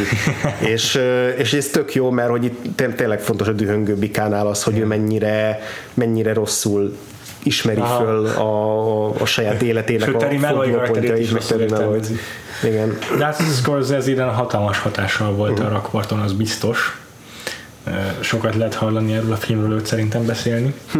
de az, az, azért is fontos számára, mert pont azért ennek egy ilyen meghatározó formatív időszakában látta, és azért mondom, ez a, a korabeli stúdiófilmekhez képest uh-huh. egy ilyen tök személyes darab volt, és eleve kigondolta volna, hogy majd koszos dokmunkásokról fog filmeket nézni, hm. mikor nem tudom, mások fogadban hajtották a lovakat okori arénákban, ugyanakkor hm. filmekben. Na, hát ehhez képest ez itt tényleg a New Yorki közegről szól, ja. átlag emberekről, Igen. munkásokról, és ő is hasonló közegben nőtt fel. Mm. És aztán hasonló közben kezdett filmeket forgatni, mint mondjuk az Aljas utcák Ami volt. megint csak rengeteget köszönhet az a, a, a rakparton, igen. mert a Harvey Keitel és Robert De Niro karakter hmm. között is van egy ilyen, igen. igen. egy ilyen hasonló uh, dinamika, és ott is ugyanúgy meg lehet figyelni azt, hogy melyikük az, aki, aki még próbál ebből valamennyire saját identitást keresni uh-huh. és uh, kitörni és melyik az, aki már, aki, akitől el kell búcsúzni miatt. és hát ugye a Scorsese rengetegszer visszatér a maffiához, ami nem csak a rakvartonnak yeah. köszönheti, hanem úgy a felnövésének, a közegének. Igen, igen. De azért az biztos, hogy az, hogy milyen érzékenységgel mutatja be ezeket a karaktereket, sokszor az, az abban, abban szerepe volt Ilya Kezennek is. És a másik, aki meg nagyon, szintén nagyon nagyra tartja ezt a darabot, egyébként valószínűleg nagyon sok rendező van még rajtuk kívül, no. de akit kiírtam, az a Spike Lee. Hmm. Neki is van egy interjúja valahol a Youtube-on, ahol erről a filmről lehet őt hallani, hogy, hogy mennyire nagy jelentősége volt számára, de leginkább csak azért, mert leginkább azt emeltem ki erről is, hogy, hogy hogy mennyire imádta Bud Schulberget, meg a, uh-huh. az ő skriptjét, hogy e, egy ilyen történetet, ilyen Sweaty Longshoremanről szóló történetet, azt így ennyire jól sikerült megcsinálni, és, és az egyik legjobb filmet tartja, ami valaha készült, van egy saját plakátja, amit ezek az emberek aláírtak neki. Úgyhogy igen, találkozott, a, találkozott ezzel a Bud Schulberggel, és akkor őtől van autogramja, hmm. ha jól tudom. Hmm. Tök jó. Igen. Hmm. És akkor beszéljünk még magáról Brandóval egy picit. Uh-huh. Azért arra, azt ígértem már a hallgatóinak, hogy nem csak erről a filmről akarok beszélni vele, vele kapcsolatban, hanem így a munkásságáról, a későbbi szakaszáról is. Igen. a későbbi szakaszáról. Igen. Nem csak az 50-es években volt ön meghatározó színész, hanem volt egy második nagy hullám a, a 70-es években. Uh-huh. A keresztapával kezdődően, ami egyikben jött ki a az utolsó tangó Párizsban című filmmel. Igen. És akkor még volt a újabb nagy dobása az Apokalipszis mostban. Na, ezekre a filmekre viszont már aztán abszolút divává uh-huh. változott, és mit tudom én így nem lehetett lebeszélni arról, hogy ne papucsban jelenjen meg a forgatáson, meg egész konkrét elvárásai voltak azzal, hogy egy jelenetben ő hogyan fog megjelenni vagy szerepelni az apokalipszis mostról lehet tudni, hogy aztán a teljesen kiszámíthatatlan volt a viselkedése, meg az, hogy értelem mikor lehet vele forgatni. És ö, azt hiszem, hogy nem is tudta pontosan a Coppola az, hogy hogy fog, tehát hogy már ennyire van hízva a Marlon uh-huh. Azt meg aztán végképp nem, hogy elolvassa előre azt a könyvet, ami, ami alapján készül a, uh-huh. a, a, a, a apokalipszis most, és a kedvére elkezdi magát kigyúrni, meg lenyomja a haját teljesen nullás géppel. Uh-huh vagy hát leborotválja a haját, és így mindenki ledöbbent, hogy mit, mi, mit csinál magával a Brando a film kedvéért. És ez így ő magától találja ki, látszik, hogy már nem is teljesen beszámítható a Brando, itt ö, elveszítette már azt a, azt a sztár vonzereit, ami még az 50-es években megvolt. Egyébként azt hozzá kell tenni, hogy a, a rakparton óriási siker volt, uh-huh. de valószínűleg leginkább annak köszönhetően, hogy Brando akkor volt a csúcson. Igen. Tehát ő az a James Dean, aki nem halt meg 23 évesen, hanem, hanem sikerült neki bekasszírozni azt a, azt a hatalmas ö, ö,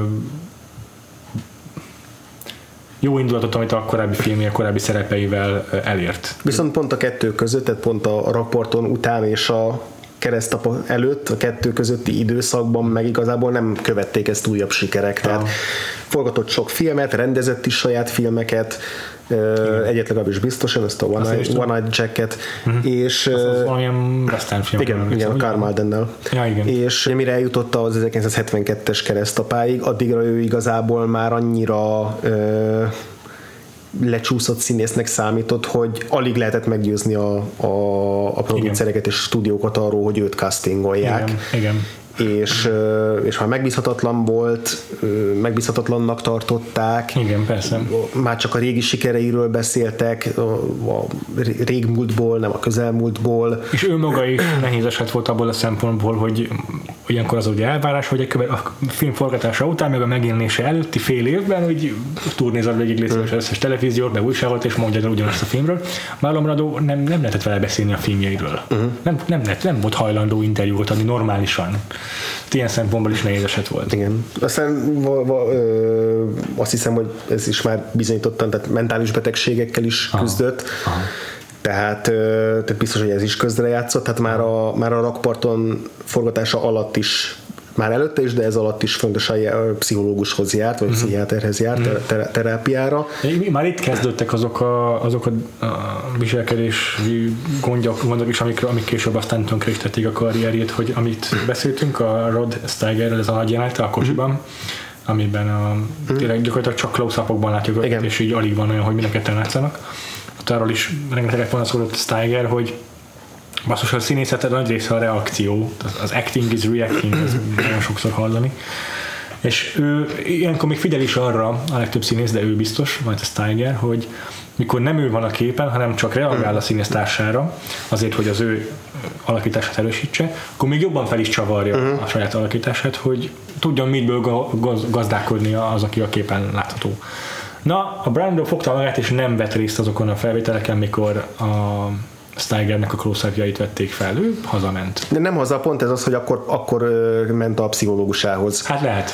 Tehát, hogy, ez, tehát, hogy ne, neki, az, ne, neki az sokkal fontosabb volt, hogy Aha. neki akkor, mit én, akkor volt időpontja, Aha. hogy akkor kellett elmennie, Aha. Mhm. és, és neki az, az, az előnyt élvezett azért, hogy, ö, hogy akkor, amikor nem kell ott lennie, akkor, akkor nem mond, és ezért nem bocsátott meg neki a. Rod Steiger. Na, igen. De ez pont erre, erre volt, volt egy példa, hogy, hogy neki annyira fontosnak érezte azt, hogy ő a, a terápiáján mindig részt Igen. vegyen, és, és mondom, ez, ez meg is maradt az egész életében. És akkor ezt, ezt követően már tényleg ö, alig látni őt jelentősebb szerepekben. Vagy hát azok se hálálják meg magukat. Mm. A Superman bukkan fel még a 70-es évek vége felé, aztán 78-ban talán. Jor-El, vagy hogy hívják az a Superman apukájaként, aztán később még látjuk a utolsó éveiben 90-es van egy évek elején vannak a- filmjei. azt hiszem a 80-as években, vagy nem tudom, 90-es években, amiben így a, gyakorlatilag a keresztapa karakterét parodizálja, Aha. aztán Ben Stiller filmben, vagy nem is tudom pontosan, uh-huh. hát, hogy Adam Sandler volt, mindegy is. Ö, és így egyre rosszabb szerepeket Igen, kap tényleg, Dr. Moró szigete, Don Juan de Marco Aha. a 90-es évek első Aha. felében. Aha, igen, igen. Na, talán még a Don Juan de Marco egy utolsó erős alakítása abban így hmm. több olyan színésszel szerepel, akik miatt is érdemes megnézni ezt a filmet szerintem. De igen, hát nem ö, nem az a karrier, ami, ö, amit szerintem sokan szerettük volna, hogyha, hmm. hogyha kortársként látjuk az 50-es években Brandót először szerepelni. Na, esetre igen, ez a páralakítás, ez, ez örök. Igen, és viszont jó, hogy ezzel az alakításával fejeztük be a színészes Igen. évatunkat is, meg az ő blokkját is. És még a, a későbbi bal lépései ellenére is akárhány színész meghallgatsz interjúkban, megkérdezik arról őket, hogy ki minden idők legnagyobb, leg, legnagyobb színésze, szerintem kivétel nélkül mindenki Marlon Brandot fogja mondani. Nők is, férfiak is, elmondtam, rengeteg embert hallani, hogy őt mondják egy, egyértelműen, hogy ő a minden idők legnagyobb színésze. Hát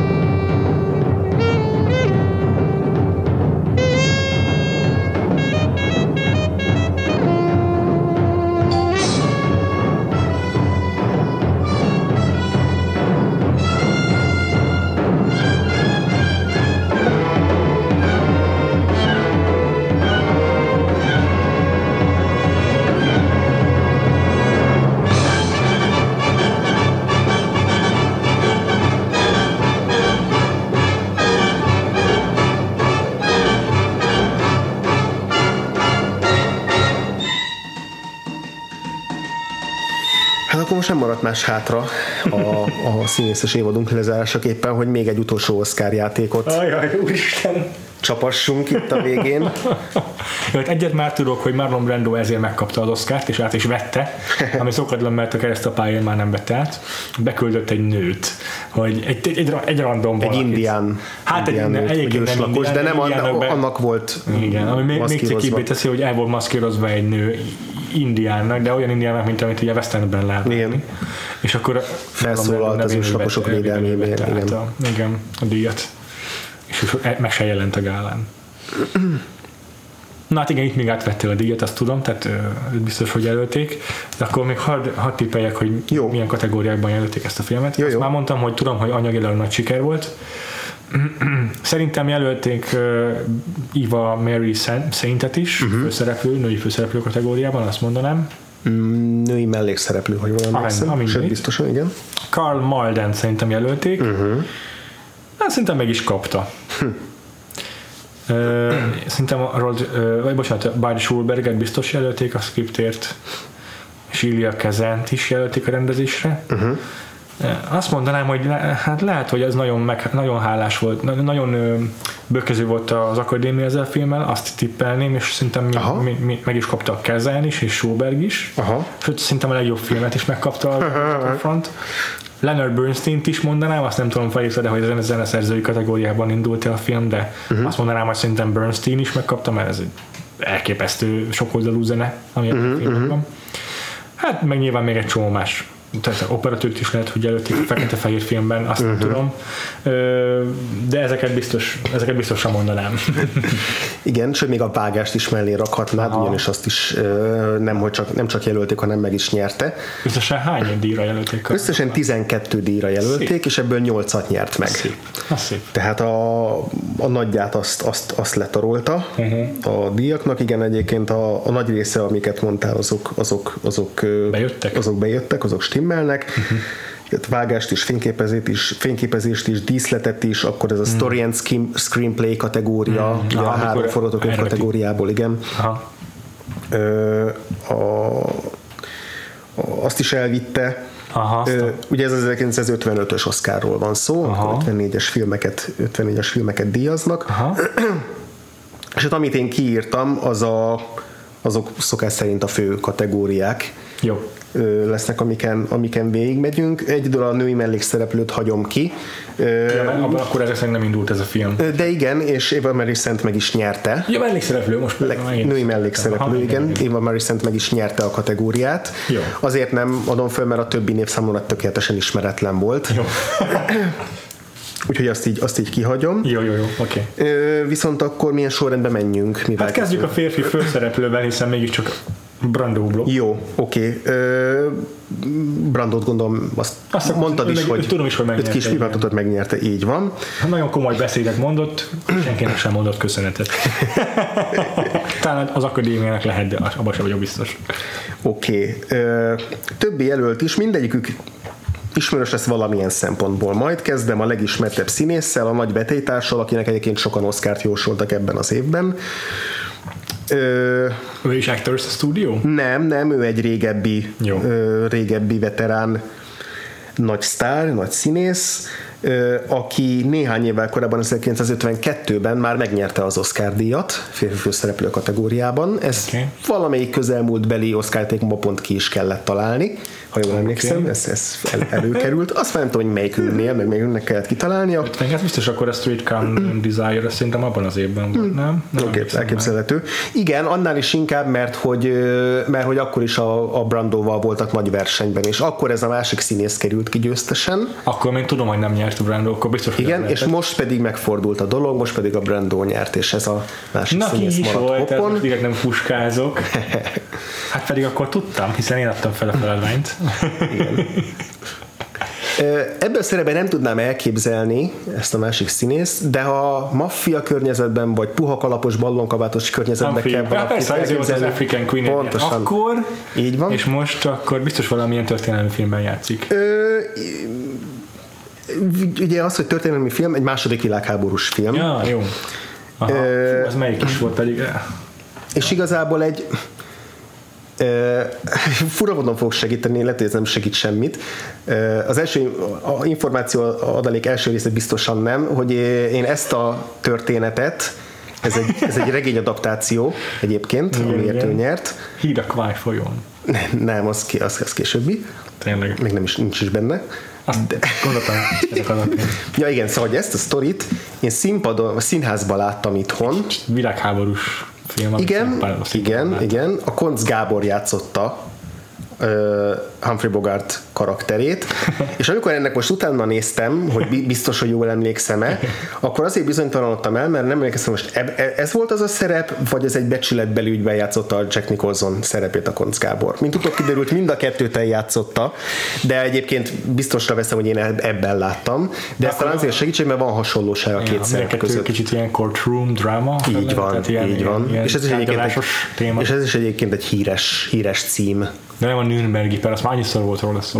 nem, nem. De egy világháborús és tengerésztisztekről szól, és tárgyalóteremben végződik, ahol a... Én csak a Denzel Washingtonnal És ennek is egy ilyen híres címe van ennek a, ennek a filmnek. Jó, ezt figyelj, majd a legjobb film kategóriában. A legjobb film kategóriában, jó, erre visszatérjünk. Örülök, hogy kitaláltam Humphrey-t, maradjunk annyiban. Jó, oké, oké, oké. Gondolom jelölték legjobb filmre is. Jelölték, ah, így van, így okay, van, jelölték okay. legjobb filmre is. Jó, akkor erre még visszatérünk. Színészeket nézzük. Igen, következő, szín... érdekes? következő szín... van, abszolút. Következő színészünk, ő egy igazából énekesként híresebb is. Frank Sinatra. Majdnem. Frank Sinatra és Dean Martin is ö, Ez a Ra- péld, példaképeként tekintett erre a Erre az emberre? erre az Ő emberre, rá? ő rá, tehát ő volt egy ilyen, egy ilyen példakép. Hogyha keresztnevében változtatunk pár betűt, akkor egy, akkor egy, egy nagyon-nagyon necces szórakoztatóipari figurát színésznek a nevét kapjuk meg, ami pár évtizeddel ezelőtt még ilyen nagy, mindenkinek a kedvenc tévés színésze volt, de ma már, ma már egy Ja, ez a Bing szörnyeteg. Crosby. Igen.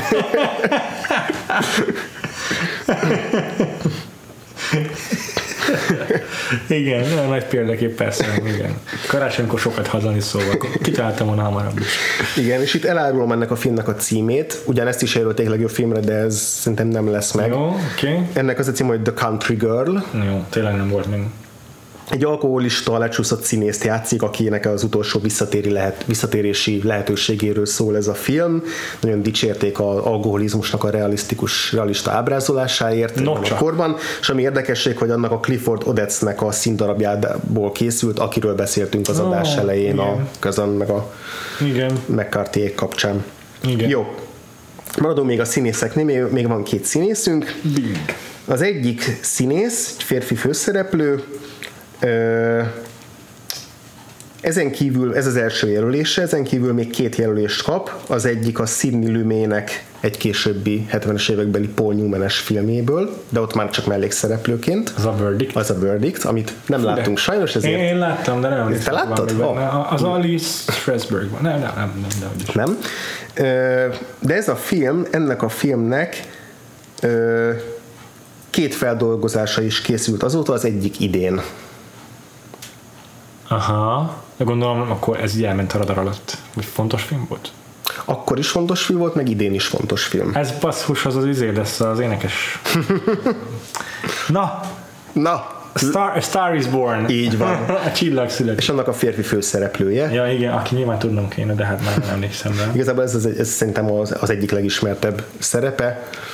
Igen. Később is rengeteg filmben játszott még, de igazából nem találtam olyat, ami segíthetne a, a, a, a megfejtésben. Hát ugye most ugye elég, elég sok ezért hallottam, amiben szó volt erről a filmről is. Akár meg is jegyezhetted volna. De nem tettem. Azt tudom, hogy a női főszereplő ki volt, de ezt már Ja. nem. Igen, James Mason. James Mason. Hát ez jó. James. Mason. Az utolsó név, őt szerintem névről nem fogod ismerni. Nagyon érdekes ez a film. Ez egy klasszikus regénynek az adaptációja. Egy név, keresztnév vezetéknév a filmnek a címe. Regény, ami keresztnév vezetéknév. Igen, és egy fogalom is lett aztán a keresztnévből, tehát igazából a... Nehéz, mert hogyha megmondanám, hogy ha megmondanám a, a, a premisszáját, akkor abból már csak ez a, fi, ez a film jutna e- eszedbe, annyit segítek esetleg, hogy tengeren játszódó. És ez egyik leghíresebb, Moby Dick. nem lenne rossz, de egy, ez egy személynév a, a főszereplője. Okay. A főszereplő, a, a címszereplőnek a, Igen. Robinson Crusoe. így van. De, ezt nem tudtam volna közelebbről megfejteni, mert azt mondom, hogy ha jó törött ez sztori, akkor abból már rá lehet jönni. Igen, igen. De viszont az nem tudom, ki játszott benne. És az az, hogy ez egy, hogy ez egy nem, nem ismert név. Uh-huh. Ami érdekes, hogy ezt a filmet Louis Buñuel rendezte. Wow. És a színészünk játszott egyrészt a Twin Peaks-ben, egy, ráadásul a gyengébb második, a második évad gyengébb második felében tűnt fel, pont a általunk közutál, kö- közös utálatnak örvendett Ja. Catherine-nek a szálában. Igen, hát tudom ki az a vén ember, de hát nem emlékszem. Így van. És egy másik filmben is játszott vénembert. Konkrétan ez volt annak van, abban a, cí- a filmben a neve, hogy a vénember. Ez pedig a robot zsaru. Ő játszott ott a főgonoszt, ugye annak a cégnek a fővezetőjét, Aha. aki Igen. elrendeli a robot zsaru megalkotását. Őt Dan O'Hurley-nek hívják egyébként. Oké, oké. Tehát az, hogy névről nem ismerjük, Jó. de erről a pár szerepéről. Ez jó. igen. Ez jó. Akkor ugorjunk át rögtön a női főszereplő kategóriára szerintem. Nézzük meg. Akkor ugye egy nevet említettél, hogy őt Igen. már tudod. Az pedig a az az, hogy gondolkodom a nevén, mert tudom, de nem eszembe.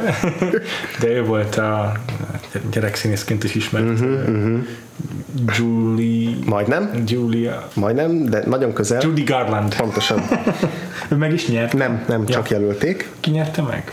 Aki megnyerte, róla már rengeteget beszéltünk a podcastben, ez a második jelölése, 1953-ban nyerte meg, tehát sokkal Wood. korábban egy mellékszerepért. Ö, Catherine Kathleen Turner. Nem, nem, nem, Catherine Hepburnre Hepburnre gondoltál, de nem. gondoltam. 1900 Egy 1955-ös filmjével foglalkoztunk, de nem ebben az évadban.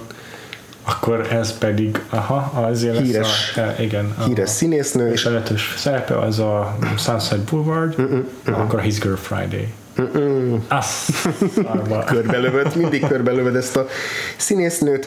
Ami érdekes, hogy ebben a filmben, vagy ebben az évben játszott kb. 600 filmben, de volt egy nagyon, nagyon jelentős filmje még, és én azt hittem volna, hogy azért fogják jelölni, de valószínűleg abba, abból a filmből csak mellékszereplőként jelölték volna, de lehet, hogy főszereplőként is, de érdekes, hogy ezért a jóval kevésbé, és talán a Country Girl-nek a hősnőjéről van szó, de, de volt egy ennél sokkal híresebb szerepe és filmes, érdekes, hogy nem azért jelölték Az Ingrid évben. Berg van akkor. Jó lett, jó lett volna, hogyha most másodszor nem szívnám vele sokat. Ö, akkor még azt elmondom erről a színésznőről, hogy néhány év alatt készített Ja, sok igen, filmet, igen, de igen, aztán többet soha. Így van, igen. Ez a szokásos tip, szokásos klub, amivel meg lehet fejteni.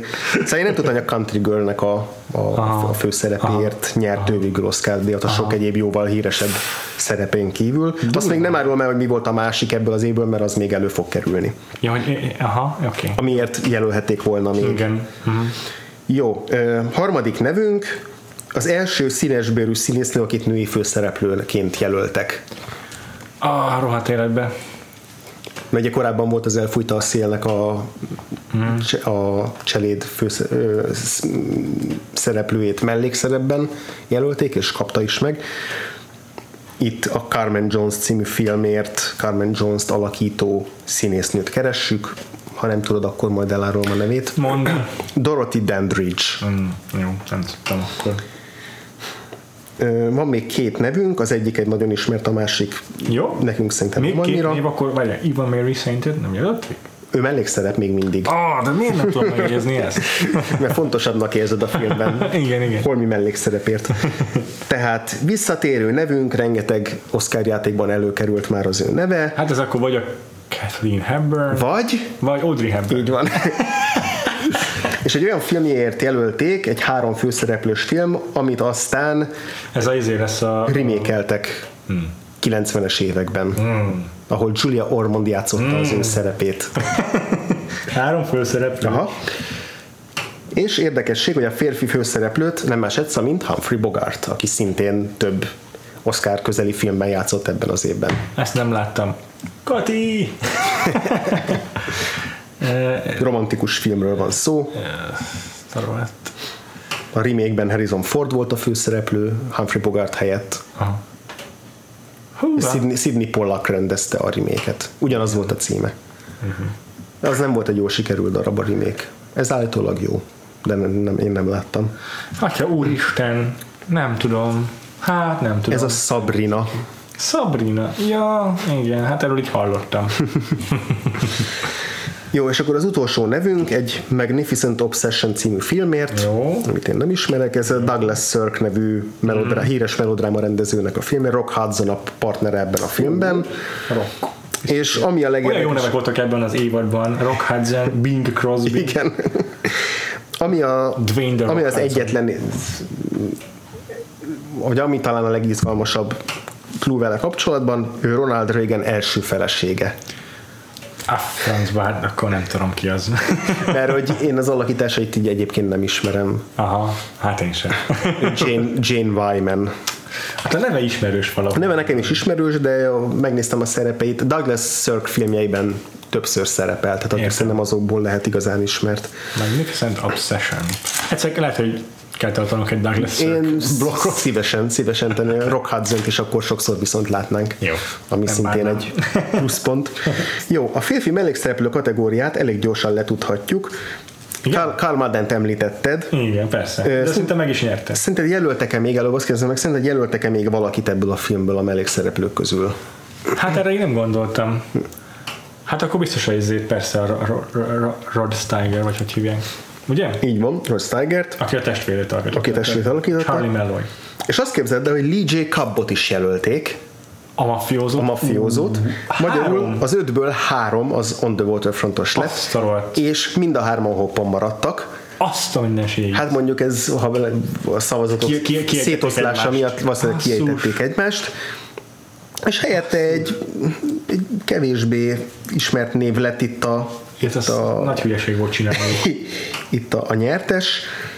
Én ezt nem, majd el fogom árulni, meg valami őszintén én nem ismerem. Jó. Ö, Amúgy szinte a három új közül kiérdemelte volna meg leginkább. én kinek adtam volna? Carolnak, a Rodnak vagy Lee-nek? Az helyzet, hogy azért a, a Rod Steigernek adtam volna azért a jelenetén, mert szerintem amit ő abban a jelenetben ö, nyújtott, az több, mint, mint a két színésznek a komplet teljesítménye, még akkor is, hogyha ők több jelenetben szerepeltek te. Aha.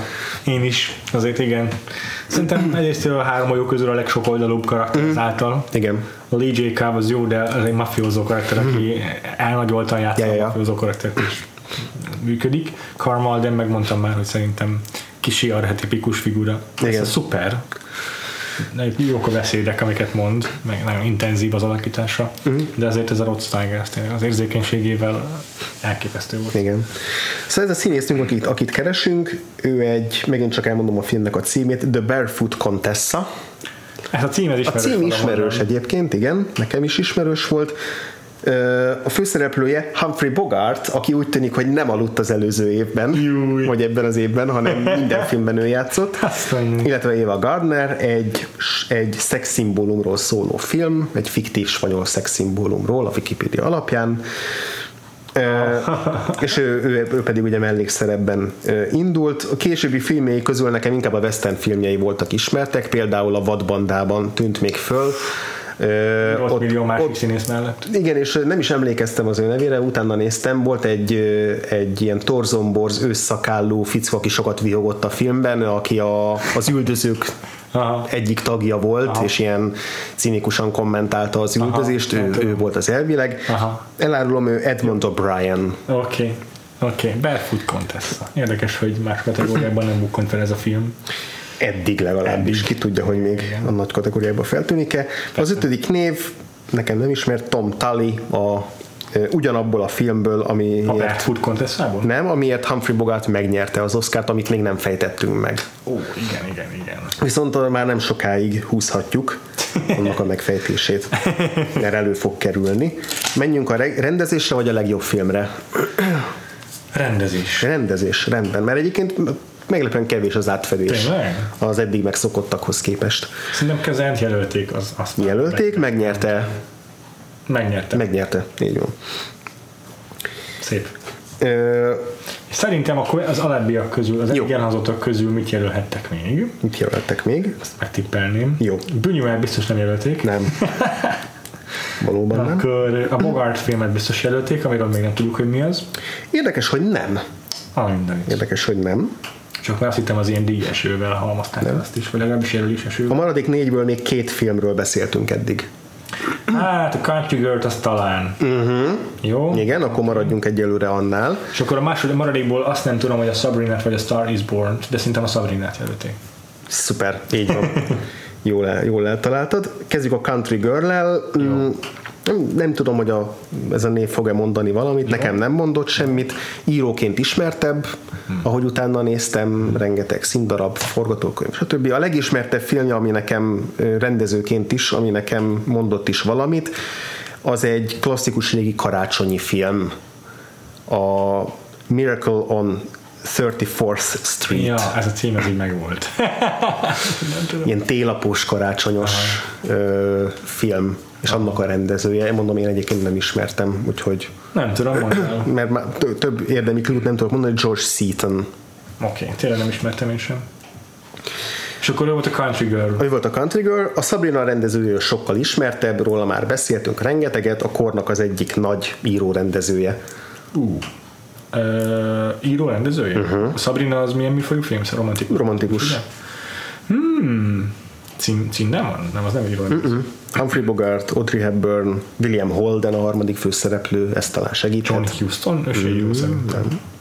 Jack Houston amúgy is, nem? Nem John. John Huston, ez jó, igen.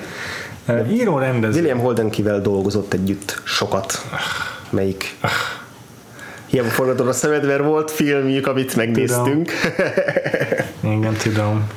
Nagy-nagy becsben tartott Ja, tudom. író-rendező. Ja, igen, nem, véle- nem, véletlenül, igen, nem véletlenül így fogalmaztam, pontosan. Ez az. Ezt most örülök, hogy itt még ha lassú is volt. Nem volt olyan vészes.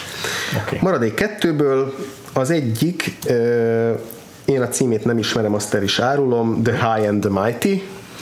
Oké. Okay. És akkor ezt a legjobb filmre nem is jelölték fordok. Ezt nem, valóban nem jelölték legjobb filmre. Aha. Ez egy nagyon érdekes filmnek tűnik.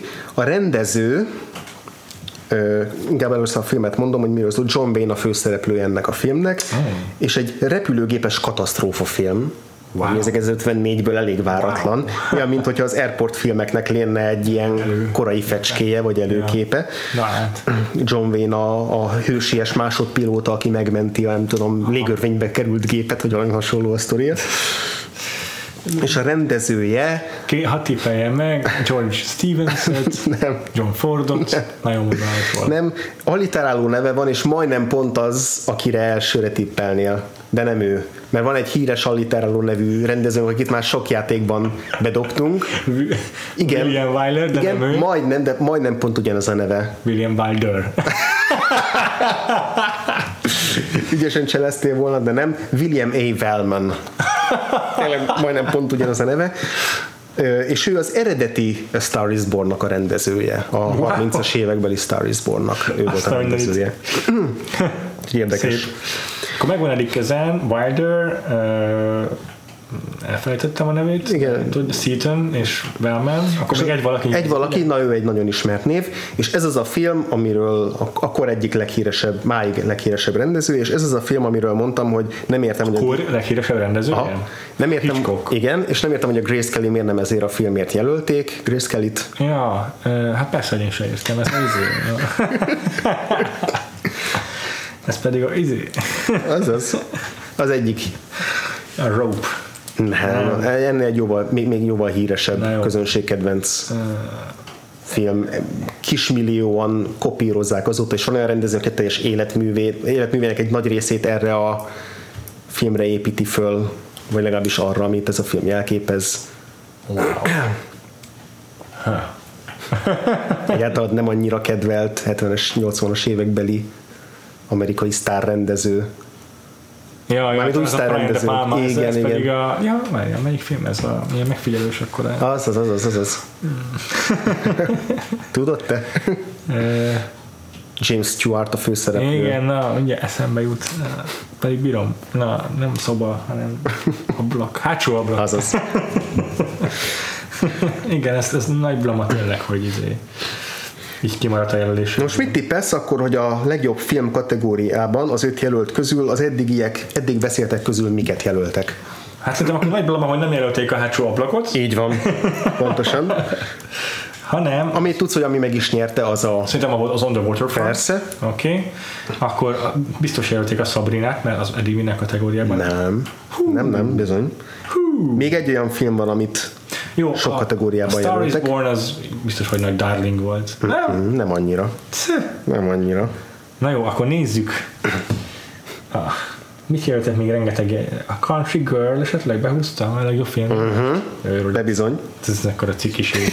Nem is láttam, de hát egyértelműen nincs ott a hely. Okay, Szegény Clifford Odetszet nem csak a Amerikai ellenes bizottság hurcolja meg, hanem te is. Jú, tényleg. Akkor kettőt tudunk, a Waterfrontot, a Country Girl. Igen, és akkor még egy film van, amire, amit még kell találnod, mert színészről már beszéltünk, de a filmet még nem fejtetted meg. Ja, hát akkor ez a Bogart. Így van, azt, azt kell még, azt kell még megköteni. Háborús, tárgyalótermi, Ja, istenkém, istenkém, vizes. hadbíróság elé kerül egy tiszta viselkedéséért, őt játsza Humphrey Bogart, aki veszélyezteti a legénységét, Ja. És ezt nem remékelték meg ilyesmi, ugye? nem, és akkor amivel tudok segíteni, hogy van egy nagyon-nagyon Ja, pedig várjál, tudom, megvan a könyv. A lázadás, a, nem, zendülés a azaz, Kane halihaj. azaz. és tudod, hogy mi lett volna a, a Kane alapján a Klum? Nem. Hogy Michael Caine innen vette a nevét. Komolyan. Mert ugye annak idején már nem tudom kivel volt névegyezése, de hogy új nevet kellett találni, és akkor az az anekdota, hogy kinézett Olvastam. éppen, amit egy ügynökénél volt, el kellett dönteni, hogy mi legyen a vezetékneve, és kinézett az ablakon, és ott volt az Endőrös a Kénhadion plakátja, hogy valami ilyesmi az anekdota, és akkor azt szokta mondani, hogy micsoda szerencse, hogy nem Michael 101 kiskutya lett a neve. Úristen. De egyáltalán erről a filmről vette a, a, a nevét Michael Caine. Kiteltem eddig háromat, akkor uh-huh. On the Waterfront, Country Girl, az Endülés a Kén hadihajón, uh-huh. erre egész büszke vagyok, bármilyen lassan esett le. Jó, és Mi a, van még? A többi akkor nem, nem fordult elő más kategóriában. nem fordult elő semmelyik másik kategóriába, és szerintem az egyik lehet, hogy ismerős lesz a, a címe, a másik szerintem egyáltalán nem. Jó. Tehát itt nem akarom, hogy kitaláld, inkább csak ilyen érdekesség lesz majd a, a, a kitalálások. Az, Jó. az egyik az egy musical, az Ének az esőben rendezőjétől. A címe az híres egyébként, Aha. de, de Aha. a címét ismerem, és ez a szabin nők elrablásának a klasszikus ókori Igen. történetét dolgozza fel. Tehát egy olyan sztorit, ahol ugye férfiak Ja, ja, ja. elhurcolnak egy csomó nőt, és aztán ebből. De ez nyilván ennek egy, egy vígjátéki musicales feldolgozása. Sok szám van ebben a címben, vagy legalábbis egy számnak az ismétlődése sokszor. Tehát egy Jézus szám Úristen. szerepel benne. Ez jó, nagyon jó clue. Valami száz biztos. Vagy ezer. Annál, annál azért kevesebb. Az elrablás kapcsán Értem. Tucat. Na, nem tudom mi ez. ez a Seven Brides for Seven Brothers. Ó, hát én ezt én sajnos nem ismertem. Jó, és akkor a, az utolsó, az nekem teljesen ismeretlen Jó. volt. A szereplők és rendező is minden teljesen ismeretlen volt. Ami Jó. érdekes, ez egy Rómában játszódó romkom, és hogy ebben az időszakban ugye a római vakáció után meg Igen. körül ilyen nagy divat volt, hogy Hollywood átköltözött Rómába, a Cinecitába és a Torba szájba forgatott Aha. történelmi filmeket, Aha. romantikus filmeket. Róma Aha. volt akkor a világ közepe Hollywood Tényleg. számára. Ezért készült a Julius Caesar biztos, meg ezek is Ja. akkor készültek biztos. és akkor ezért ez, ez, ez is ezek közé a filmek közé, közé tartozik. Azt a- Three Coins in the Fountain. Hát ezt tényleg nem Tökéletesen ismeretlen film volt, de Oscar. És ezt bezzeg jelölték. Ez bezzeg Ez jelölték, miközben a hátsó ablakot nem, úgyhogy lehet, Kéne lehet egyszer csinálni egy ilyen háborogni. blokkot, hogy így ezt meg minek jelölték Oszkára, és így megnézzük. Megnézhetjük eldönteni. végre azt a kutyás filmet is. Azt is megnézhetjük a kutyát. Tontósat. És eldöntjük, hogy tényleg érdemes volt jelölni, hogy hátsó ablakkal szemben ezt a Three Coins in the Fountain. Így, ja, igen. Egy podcast, amit az égvilágon senki nem Senki, hallana. senki, és ez, hogy meg se találjuk ezeket a filmeket. Na jó, Na jó. egész jó év volt ez, Én örülök ezeknek a jelölteknek, annak viszont nem örülök, hogy többet nem lesz alkalmunk ilyen 50-es évekbeli Hm. Oscar játékokra, legalábbis egy hosszú ideig biztos nem. Egy darabig biztosan nem. És az évad hátra levő részében már nem fogunk színészekkel foglalkozni. Igen. Két epizódot tervezünk még idénre. Ha jó Isten is úgy adja, akkor ezek meg is valósulna. Hm. Két külön kiadás. Igen, ugye a, a legutolsó adásunk majd valamikor karácsony környékén az természetesen az évösszegző adásunk lesz, ahol a 2018-as filmélményeinket fogjuk összegezni. Ezt várhatja mindenki. Én nagyon várom. és nyilván abban az adásban majd remélhetőleg meg fognak szólalni a, az év során vendégül látott barátaink is, akik elmondják, hogy mi volt az idei kedvenc filmjük. Aki hallott már ilyen évőszegző adást tőlünk, azt tudja, hogy mire számíthat. Csupa jóságra. Csupa jóságra, csalásra, há, háborúkra, hogy melyikünk mit, mit választott ki a legjobb top Igen. 10-be, úgyhogy Igen. ez lesz majd az utolsó adásunk. Előtte viszont még van egy olyan adásunk, amibe igazából így bármit bele, belerakhatunk. Ez, pontosan ez is, ez is fog történni. és ez a részben, ez, ez részben tőletek is függ, ugyanis tartunk akkor egy ilyen kis levelező rovatot, úgyhogy azt várjuk tőletek, hogy küldjetek nekünk minél több kérdést, tényleg bármiről. Bármiről. De azért lehetőleg leginkább persze a podcastról és a filmekről. Persze. De bármiről. De bármiről. Folyamat is hogy persze. A- Beszélünk az izraeli-palasztin konfliktusról, tényleg bármi, amit, amit gondoltok. Ezen kívül ezeket a kérdéseket felteltitek nekünk. Hol is, András? Például a Facebookon, facebook.com per Podcast, a Twitter a legalkalmasabb még erre, vagy a Igen. Vakfolt Podcast handle alatt, vagy személyesen nekünk is, Péter téged, Frivo néven kettő elvelírom. engem pedig Gains néven egy aláhúzással írom. Aha. De De van hát- weboldalunk, ahol szintén írhatok kommenteket, de van Küldetek e-mail cím. e-mail címünk is van. Szóval ezekre várjuk az összes minden létező És tényleg gondolatot. küldjetek minél több kérdést, hogy ki tudjuk tölteni tartalommal azt az adást. Aztán attól függően még lehet, hogy más dolgokról is fogunk beszélni Igen. abban az adásban. Addig is sziasztok! Akkor jövő találkozunk. Találkozunk, addig is sziasztok! Sziasztok!